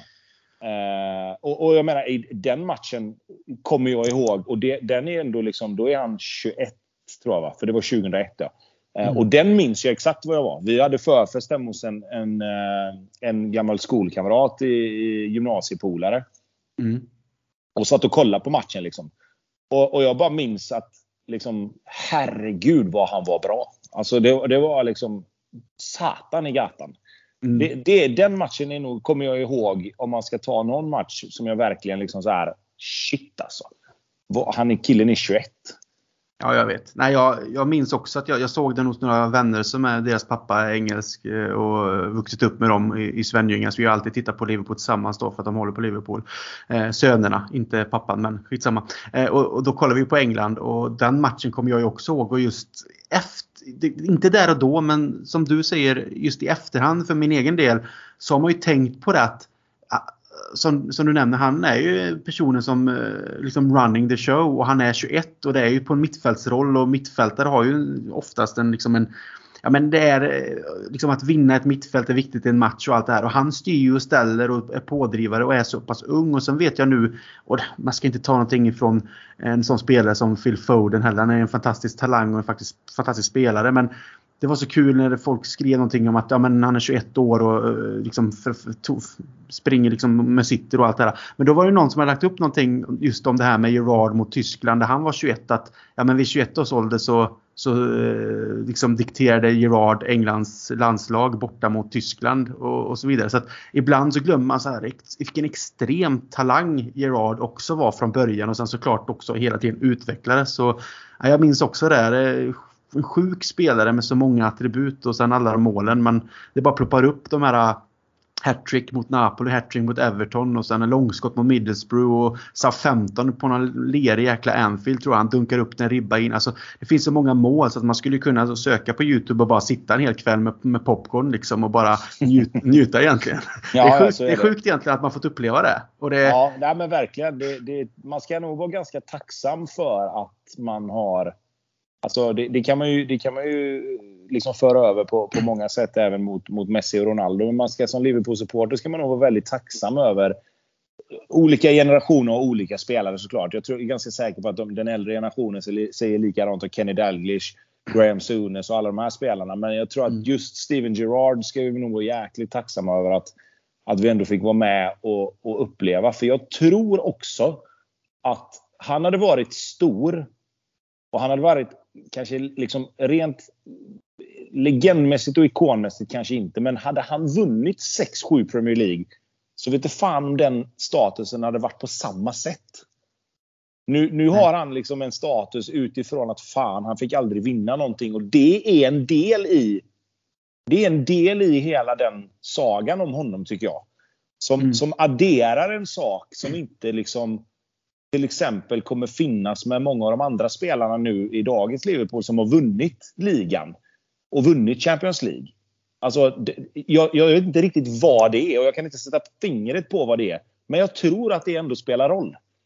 Mm, ja, men det gör det säkert. Och sen att han valde att liksom vara Liverpool trogen på grund av sin kärlek till staden och klubben genom hela sin karriär. Och att det liksom blir ju då en såklart en, en sån legendstatus på det. Eh, för eh, säga vad man vill då att han lämnar och går till LA Galaxy. Man ser ju inte det som någonting som åh, utan det var ju på slutet han ville testa något nytt. Men liksom att ge alla sina bästa år och vara trogen i alla de här upplagorna som inte var jättebra eh, när han hade möjligheter att gå till. Han hade ju möjlighet att gå till egentligen varenda storklubb i Europa. Det, Mourinho har ju varit ute så många gånger och sagt att han försökt få dem till Chelsea, han försökt få dem till Inter, han försökt få dem till Real Madrid, han försökt få dem hit och dit och sen Bayern München var ju knacka lite på dörren också och så vidare. Så att det har ju inte direkt eh, fattats honom anbud att gå till andra klubbar där han antagligen hade vunnit så mycket mer. Men det gör ju också honom till den eh, legenden han är. Att han valde att nej, jag, jag älskar Liverpool, det är här jag vill vara. Att det, det är liksom, mitt liv är här så att eh, det finns egentligen ingenting annat att snacka om.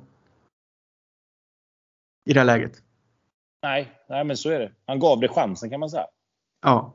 Men eh, vi tackar eh, Gerard för hans fina karriär och sen minns såklart tillbaka till den fina kvällen i Istanbul när han lyfter pokalen i skyn. Och, eh, ja, man fällde några tårar där när man var fortsatt relativt ung men det var en fantastisk ett fantastiskt, en fantastisk stund helt enkelt som man eh, aldrig kommer glömma. Och eh, ja, vi får vara glada att vi har upplevt Steve Gerard. Nu ska vi snart börja avrunda men vi har några till att gå igenom som vi ändå försöker att traggla oss igenom här och det är för att de ändå hade en, ett finger med i spelet kring Champions League-säsongen och nästa man är Dietmar Hamann född 1973, så 49 år i år. Eh, måste ändå börja med hans fullständiga namn som jag inte hade koll på men det är ju Dietmar Johann Wolfgang Hamann. Det är ju fantastiskt faktiskt. Tycker jag. Eh, började karriären i något som heter FC Wacker München. Gick till Bayern München som 16-åring och debuterade för dem 1993. Eh, representerade Tyskland i VM 98 och därefter värvades han av Newcastle som då leddes av Kenny Dalglish. Eh, men gick till Liverpool redan säsongen därefter då. Etablerade sig i laget och var en viktig spelare under sina sju år i klubben. Var bland annat med och vann trippen 0001. Eh, under Champions League-säsongen 04-05 så var han en viktig kugge. Gjorde mål mot Bayer Leverkusen. Eh, spelade då en stor roll i finalen mot Milan för han byttes in mot en skadrest i Finland och plockade bort Kaká ur matchen då. Den, taktiskt sett så blev han ju den spelare som någonstans gick in och styrde bort Kaká som hade styrt Milan egentligen i, i första halvlek och se till att det spelet flöt på. Det gjorde ju eh, Dietmar Hamann med bravur. Eh, och eh, det visar ju också att han faktiskt ådrog sig en bruten tå under andra halvlek. Så han spelade faktiskt vidare med det eh, och lyckades ändå då eh, vara med och blockera Kaká. Eh, så han var en stor anledning till vändningen och gav stabilitet. Eh, och tog, trots den här brutna tån, eh, den första straffen för Liverpool och var ju kylig där och då. Det syns ju inte på honom att han har ont, men jag antar att eh, han hade det. Eh, vann också FA-cupen då 2006 och satte även första straffen där. Lämnade sen eh, i juni för Manchester City trots att han kommit överens med Bolton först. Så att eh, när jag kollar upp lite så här Wikipedia kring honom så står det att han, han har varit i Bolton men det var noll matcher, noll mål och sen direkt då till Manchester City. Så att jag, ja, eh, ibland så får man erbjudanden man kanske inte man hellre tackar ja till helt enkelt. Eh, spelade efter i Milton Keynes Dons och blev sedan coach i Leicester samt manager i Stockport County och han har ju inte haft någon vidare eh, tränarkarriär direkt. Arbetar idag som expert för olika kanaler och har synts både i Tyskland och England. Eh, Dietmar Hamann är ju en spelare som kanske inte tar lika mycket plats för en själv när det kommer till jämförelse med Sabelons och Gerard men han är ändå en spelare som jag vet att man ändå tyckte om just för att han var den här stabila, typiskt tyska liraren som såg till att hålla ett mittfält igång. Alltså jag, jag, när jag tänker på Dietmar Hamann så, så jag, jag kommer fram till att jag tror att jag har underskattat honom lite. Uh, för, för mig har han ingen, ja, men jag, jag, ska vara helt ärlig, för mig har han ingen riktig, liksom, jag har aldrig tänkt på Dietmar Hamann som, som en spelare som, alltså som jag kommer ihåg speciellt väl. Alltså när du skrev Dietmar Hamann så bara, just det, han var med ja. Och sen givetvis, när man tänker lite längre och liksom, liksom så här, det är klart jag kommer ihåg honom från finalen i, i Champions League och allt sånt där. Och jag vet ju att han har spelat, alltså inte så. Men, men det är ingen spelare som jag... Det finns många andra spelare som, som har varit betydligt sämre. Som mm. poppar upp före om jag bara ska börja namedroppa spelare. Liksom. Eh, och, och, det gör att jag, jag, jag ändå drar slutsatsen att han måste, jag tror att jag har underskattat honom. Eh, att han, han var nog rätt mycket bättre än vad jag vill minnas och komma ihåg. Liksom, eh, och bidrog säkert med bra mycket mer än, än vad jag kommer ihåg. Så att jag har liksom inte sådär jättemycket minnen av Dietmar Hamann förutom att han gick till City, förutom att han spelade och gjorde mål i den här 5-1 eh, matchen mot, mot England när Gerard var så bra. Eh, ja. Utan det är liksom... Nej, men jag, fasiken. Nej, Eller, nej, det var inte, nej, det var inte... Han gjorde mål på, målet på Wembley. Gjorde han. Inte i 5-1 matchen. Han gjorde målet på Wembley när de vann med 1-0. Uh, ehm. det har du nog bättre koll på än jag. Men, men jag, jag, jag tror att vi är många likt dig. Jag, jag känner samma sak. att Eh, vi är nog många som har underskattat Hamans alltså, fotbollskunnighet och den typen av spelare han var och vad han bidrog med. För precis samma sak att man tänker inte på att Haman ändå var i Liverpool ett antal år och var med och vann eh, liksom trippen och han vann FA-cupen då när Gerard var så bra. Han vann Champions League, han vann någon ligacup säkert.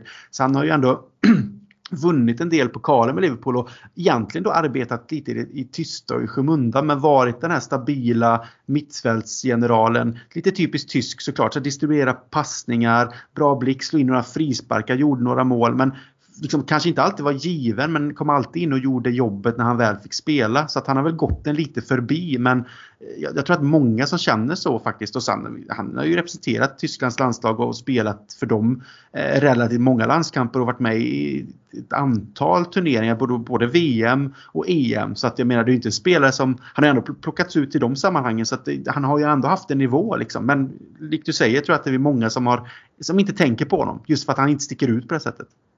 Nej, och sen, sen så tror jag också att han, han, han blir ju någonstans för mig, alltså ska man, ska man tänker man mittfältare, om man säger från den generationen då, eh, och det beror ju på lite hur bra minne man har, men för mig då som jag sa i början så alltså, flyter ju säsongerna ihop lite och då, då blir det ju liksom Gerard, det blir Xabi Alonso, det blir eh, Mascherano, det blir Lucas Leiva, det blir liksom mm. eh, om man ska gå tidigare så blir det ju typ, ja men alltså det, det, det, finns andra spelare som, som poppar upp före honom. Och, och, det, finns egentligen ingen, det, det, finns egentligen ingen anledning. För precis som du säger, rent fotbollsmässigt så var ju han jävligt bra.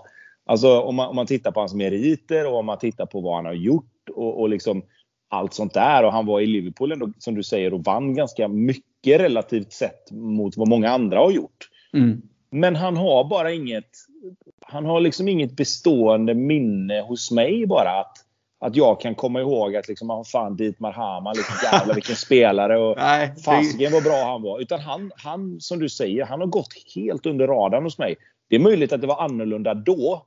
Men eftersom vi pratar om det nu, nästan ja, 15-20 år senare i alla fall. Mm. Så, så har jag liksom, jag försöker att tänka tillbaka nu bara. Kommer jag på någonting nu när jag ändå sitter här? Men det gör jag inte. nej, nej det, alltså just om man tänker tillbaka om vi ska hålla oss till Champions League-säsongen där så han gjorde ju mål mot Bayer Leverkusen, en frispark som jag, jag vet att jag kommer inte ihåg att kommer inte ihåg det när jag såg antagligen matchen live på TV men man har ju sett eh, highlights efteråt. Och där är ju liksom en fin frispark, se till att det blir 3-1 och gör att Liverpool säkrar en, en, större möjlighet då från hemmaplansmötet mot dem till att de ska möta dem borta. Och att han liksom ändå gör ett gediget arbete. För jag vet att Gerard var ju lite skadad under säsongen med. Spelar inte alltid alla Champions League. Och då gick, då, då gick ju sådana här spelare fram egentligen och tog plats på mittfältet och gjorde väldigt bra bidrag. Så därför jag ville ha med honom här just för att han, han gjorde det. Men också då hans insats i, i finalen då att han blev inbytt, plockade bort Kaká Xhaka gjorde straffmål och, och så till faktiskt att det blev till våran fördel i långa loppet. Så att han ska ha cred Dietmar Hammar ändå. Dietmar Johan Wolfgang. Precis. Ja, och när, tittar, man, alltså, tittar man på statistiken över den här säsongen så är ju han en av de som spelar allra flest matcher. Så att det är ju liksom inte någon som bara skickas in när det behövs. Utan han har ju, han har ju, gjort, alltså, han har ju gjort ett jätte, alltså, jätteavtryck just den här säsongen. Och det jag kommer ihåg när man, när man börjar prata och man försöker minnas tillbaka. Det är att det pratades ju faktiskt om efter matchen att det var han som kom in och vände matchen. Alltså mm. Gerard får mycket eh, cred. Eh, och, de här, och målskyttarna, liksom Smith, Sabi Alonso, liksom får också mycket cred. Men det pratas ju om, precis som du säger, att det var Dietmar Hamann som kom in och fick stopp på Milan. Samtidigt mm. som det då gav utrymme för hans lagkamrater att faktiskt trampa igång någon sorts motoffensiv. Eh, men hade inte han kommit in och, ställt sig i vägen så hade ju Milan kanske bara fortsatt. Uh, och, och det, det, ska han ju ha all jäkla cred för. Och det är klart att han ska ha cred. Bara för att inte jag kommer ihåg han betyder inte att han är en sämre fotbollsspelare för det. Utan det, det är bara, det är liksom, i vissa spelare är ju bara sådana att fasiken, de har man bara helt, de har helt fallit i glömska bara liksom. Mm. Ja, men det är skönt då att det finns den här typen av podd som kan få upp dem i ljuset igen. ja, men verkligen. Det blir till att gå in och googla, eller vad heter det, youtuba Dietmar Hamann här nu i, i någon timme innan jag går och lägger mig känner jag. Ja, Tycker han är värd det. Ja absolut, det får bli en, så här, en, en, en sängfösare och så massa Dietmar Hamann-content. Ja precis, ja men precis. ja, härligt, eh, den gode Dietmar. Vi, vi, hoppar vidare, vi har en till innan det är dags att avrunda och det är faktiskt Igor Biskan och där skulle man säga att det är en annan spelare som absolut har säkert fallit i glömska hos oss många men född 1978, 44 år i år. Eh, kom fram väldigt talangfull i Dinamo Zagreb och var eh, ung, var en ung kapten för det laget som faktiskt spelar i Champions League och Uefa-cupen då eh, kring millennieskiftet och var med och vann ligan eh, 99-00 också där. Tog väl dubbla ligatitlar som jag förstår det. Eh, Hans insatser skapar ett eh, stort intresse för storklubbar i Europa eh, och Liverpool lyckades faktiskt värva honom framför näsan på faktiskt Juventus, Barcelona, Ajax och Milan enligt det jag läst mig till. Och det skedde i december 2000 så så pass het var han på marknaden där och då. Eh, han var med och bröt Man Uniteds obesegrade streak på Old Trafford på 3240 minuter när Liverpool var där och vann med 0-1. Så det var väl en av de första så här minnena man kunde få honom att han var med i det laget. Hade en relativt imponerande första säsong i Liverpool Liverpool men fick tyvärr inte representera eh, oss i Uefa-cupen då när eh, vi vann trippen då för att han var cup-tied sen han hade spelat med Dinamo Zagreb. Eh, var i grunden en defensiv, en defensiv mittfältare men användes mycket som mittback eller ytterback. Tappade sin form och plats säsongen därefter och spelade inte lika mycket som förväntat. Men just under Champions League-säsongen 04-05 så fick han eh, smått en legendarisk status för sina fina insatser på det centrala mittfältet mot just Bayer Leverkusen, Juventus och Chelsea Chelsea när Gerard inte var med i någon match och det var någon annan som var skadad. Jag vet Sabalonse var också borta. Så vi får inte glömma just Dietmar Hamann och, och Biskan då som faktiskt är med och bidrar när de här st större profilerna inte var med. Eh, var bänkad i finalen och kom aldrig in. Eh, men eh, ja, kom sig ihåg egentligen mest för de här nämnda drabbningarna som mot Leverkusen, Juventus, Chelsea. Lämnade Liverpool i juni följande sommar och skrev på för Panathinaikos och därefter gick han tillbaka till Dinamo Zagreb.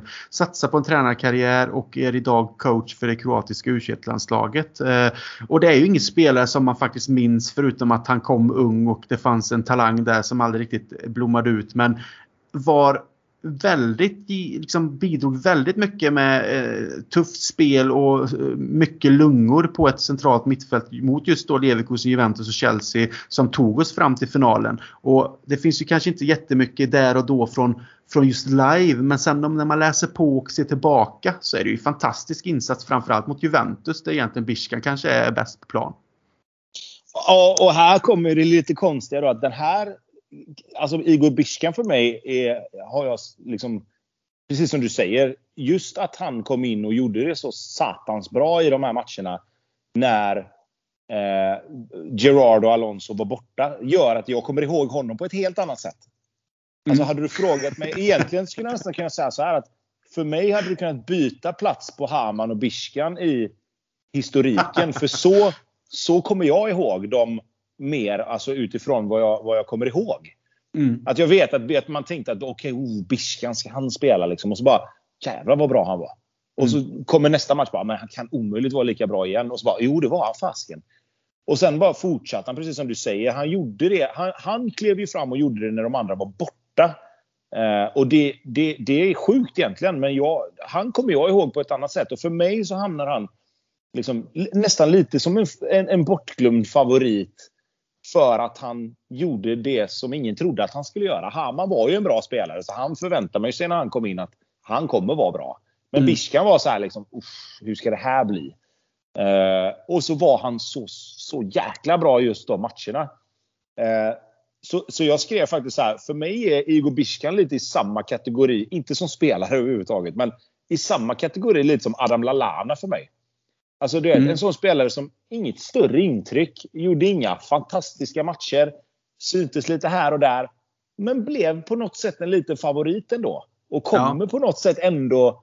Jag kommer komma ihåg honom ändå hela tiden. Oavsett vad man pratar om för spelare så kommer ändå både Biskan och även en sån som Lalana liksom, de kommer hamna lite grann i samma fack för mig.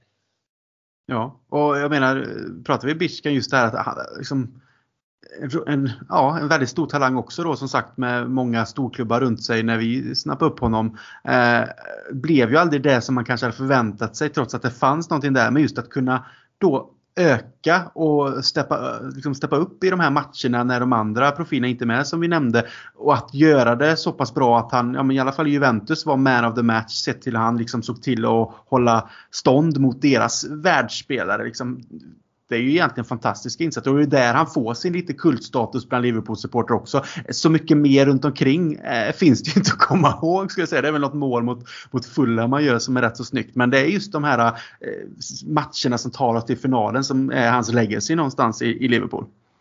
Ja, och det, det, alltså det blir väl också så för att det sen går som det går. Alltså med facit mm. i hand hade Liverpool åkt ur i, i, i, semifinalen så kanske man inte hade pratat om Igor Biska på samma sätt. För då hade det ju inte lett till något.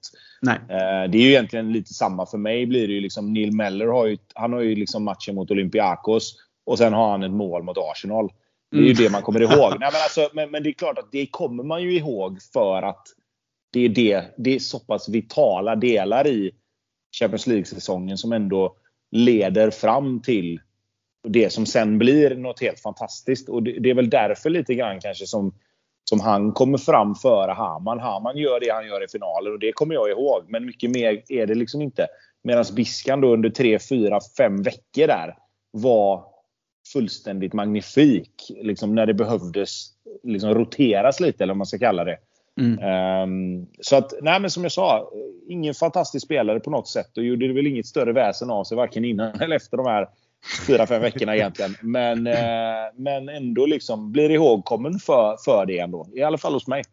Mm. Ja, men hos mig också och uh, säkert många där ute med. Men har man inte koll så som sagt, det går att googla och youtuba och kolla så får man härliga uh, nostalgiska bilder att titta på. Uh, det är egentligen den sista mittfältaren som jag har listat här som vi ska prata om. Men eh, jag tänkte ta två bubblare lite snabbt också. Vi behöver inte säga så mycket om dem. Men... Nej, den ena här när du skrev det, jag tänkte bara va? Vem fan är det? men, men, vi nämner dem ändå för att det är lite kul. Eh, och det är ju, först och främst är det ju Salif Diao.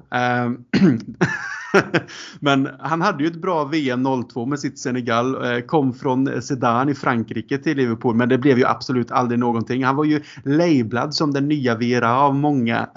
man kan ju skratta gott åt det här. Spelade senare i Birmingham, Portsmouth och Stoke egentligen då. Och ja, det, det, det, finns väl det, det, som är mest nämnvärt att säga om Salif Diao det är väl egentligen att Gerard i sin självbiografi, om jag inte minns helt fel, eh, var väl att han hade uttryckt sig bara att direkt att jag såg honom första träningen så visste jag att han inte höll nivå nog. Liksom.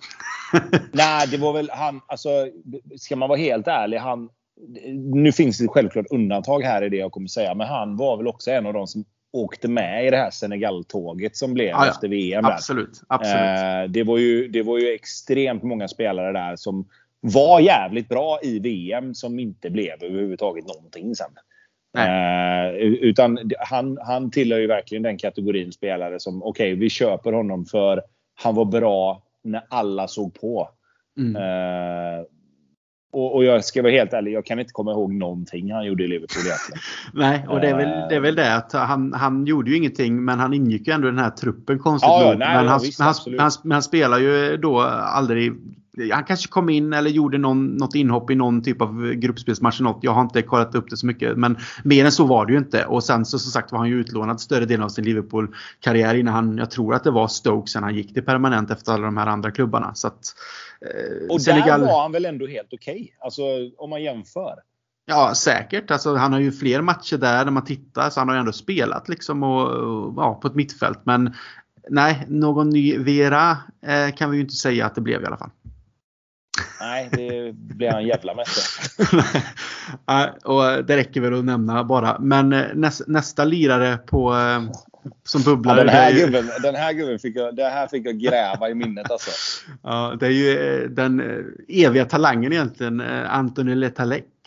som köptes och som stor talang såklart till Liverpool från Le Havre tillsammans med kusiner faktiskt, Cinema Pangol. De är kusiner. Eh, och båda två då hade imponerat i U16-EM och U17-VM för Frankrike. Och här var det ju såklart prat om den nya Zidane eh, kring Letalec. För att eh, det var ju verkligen snack. För han hade väl blivit, ja, som sagt tvåa bakom sin kusin Pangol. Att han var liksom upphåsad eh, under det eh, EMet och VMet. Att här har vi någonting som är en riktig diamant. Men ja eh, köptes, lånades tillbaka till Le första säsongen men kom ju. Och sen det roliga är att han, och det, det, det, tror jag inte att många minns, men han startade alltså i första matchen av kvartsfinalen mot Juventus. Och oavsett om det är menat eller inte så är det han som ger assisten till Garcias fina mål när han liksom skjuter över Buffon från relativt långt avstånd. Så att där är ju hans eh, bidrag till Champions League-säsongen då ja, bara en sån sak. Det, det är icke att förringa.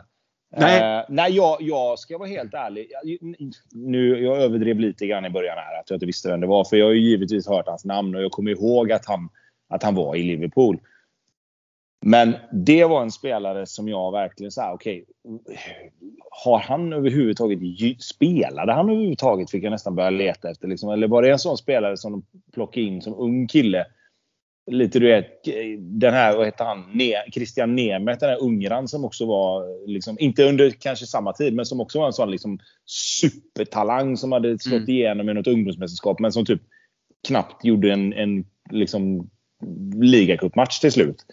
Uh, men han Lite här har ju faktiskt... Ja, men han har, ja, fast då har ju Letalec ändå assisterat fram till ett mål i en Champions League-kvartsfinal. Så då vinner han ju på poäng där i alla fall.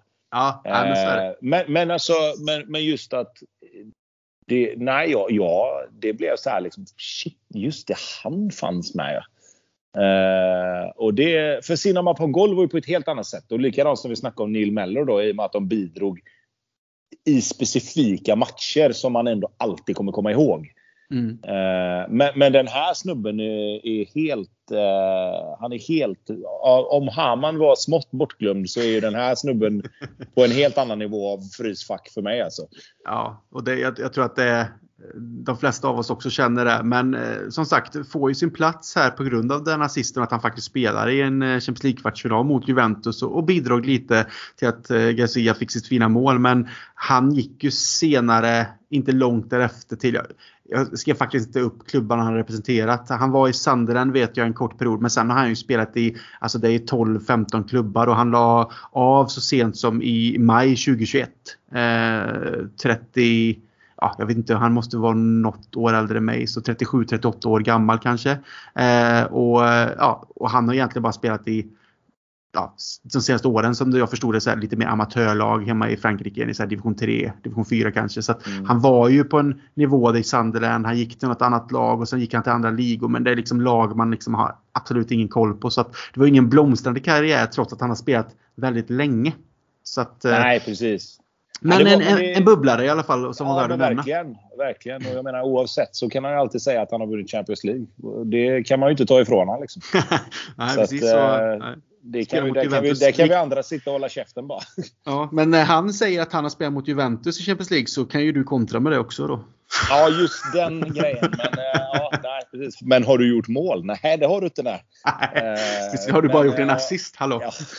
Okej, okay, ja, ja, men, kör du på Sunderland, oh, det har jag med gjort eller? Ja precis, den resan har man gjort. Ja, eller hur? Ja, precis. Men, ja, ja, nej, men den fasken, eh, Anthony Letalek alltså. Ja, men det var gött.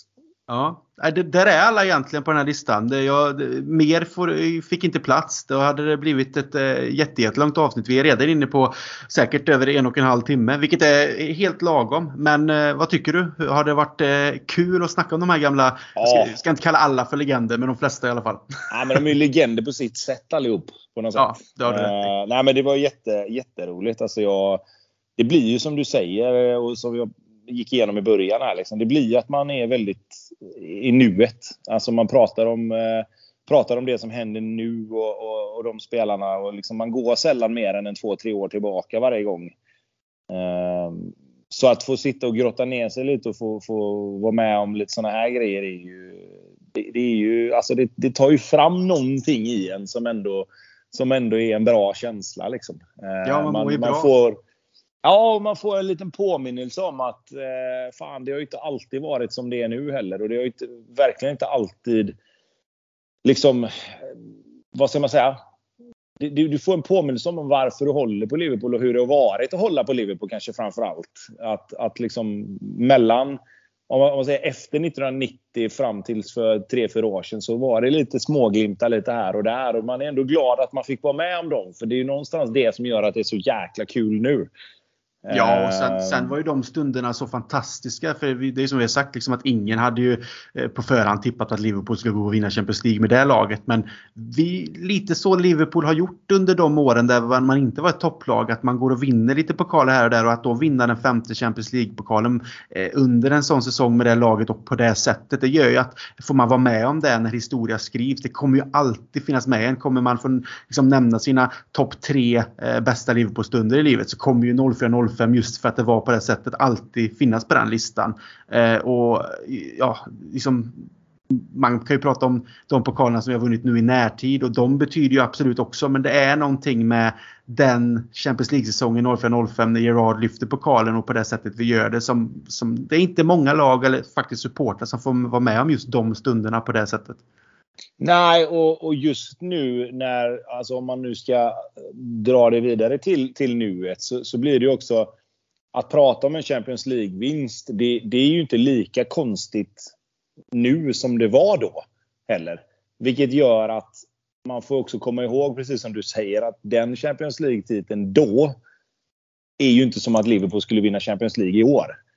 Utan, utan det var ju liksom de höll ju på att ryka i gruppspelet redan. Alltså de, de, mm. de gick väl vidare, precis som vi har sagt, inte bara mot Olympiakos med minsta möjliga marginal. Utan de, de, de hackar ju sig fram hela vägen. Sen i slutspelet så var det ju rätt, då var de ju rätt imponerande. Men, men just att hela den säsongen i övrigt var ju inget poäng i granen direkt. Eh, utan att, att liksom de, de, de satte ju sina liksom, topprestationer när det verkligen behövdes i de här Champions League-matcherna. Det, man, man, man, kan prata om det på ett visst sätt nu för att man i nutid kommer på att okej, okay, fan. Ja, men det, var liksom, det kan man väl göra. Men, men att jämföra startelvor, liksom var, var man befinner sig idag och var man befann sig för 20 år sedan är ju heller inte, inte rättvist. Eh, vilket som du säger gör den prestationen än större. Och, och gör ju som vi sa Anthony Letalek till en legend i, i den meningen han ska vara just för att han var med och bidrog under just den säsongen. Eh, uh, Anthony Letalek idag hade ju fått uh, väldigt, väldigt svårt att spela en kvartsfinal i Champions League. ja, absolut. Men med de orden så tycker jag att det, det, är dags att avsluta och jag får ju såklart säga tack till dig Tobbe för att du ville gästa RS Historisk podcast. Och du är varmt välkommen tillbaka om det är något annat hett ämne som du skulle vilja prata om i framtiden såklart. Det är alltid roligt att snacka med dig och du kan ju dina grejer. Så att, eh, tack så jättemycket för att du har varit med. Ja, tack själv. Eh, det är väl Mike Lowen och Fernando Torres som, som eh, ligger närmast till hands i så fall skulle jag säga. Ja, det, det, kan säkert komma avsnitt om just de profilerna så då, då håller vi kontakten och så ser vi vad vi kan fixa i så fall tycker jag. Ja, verkligen, verkligen. Tack själv. Det var jäkligt roligt. Tack så jättemycket. Och eh, till er lyssnare vill jag säga tack för att ni var med oss i det här avsnittet. Och glöm inte att följa RFC Stories podcast på sociala medier för att inte missa när nya avsnitt kommer. Om det är tävlingar, lotterier eller annat som kommer framöver såklart. Och prenumerera gärna på podden också där ni lyssnar på poddar helt enkelt. Med det sagt, till nästa gång, ta hand om er så hörs vi snart igen. Hej! Hej hej! I come here to Liverpool. Or to Anfield, I've drummed it into our players. Time and again that they are privileged to play for you.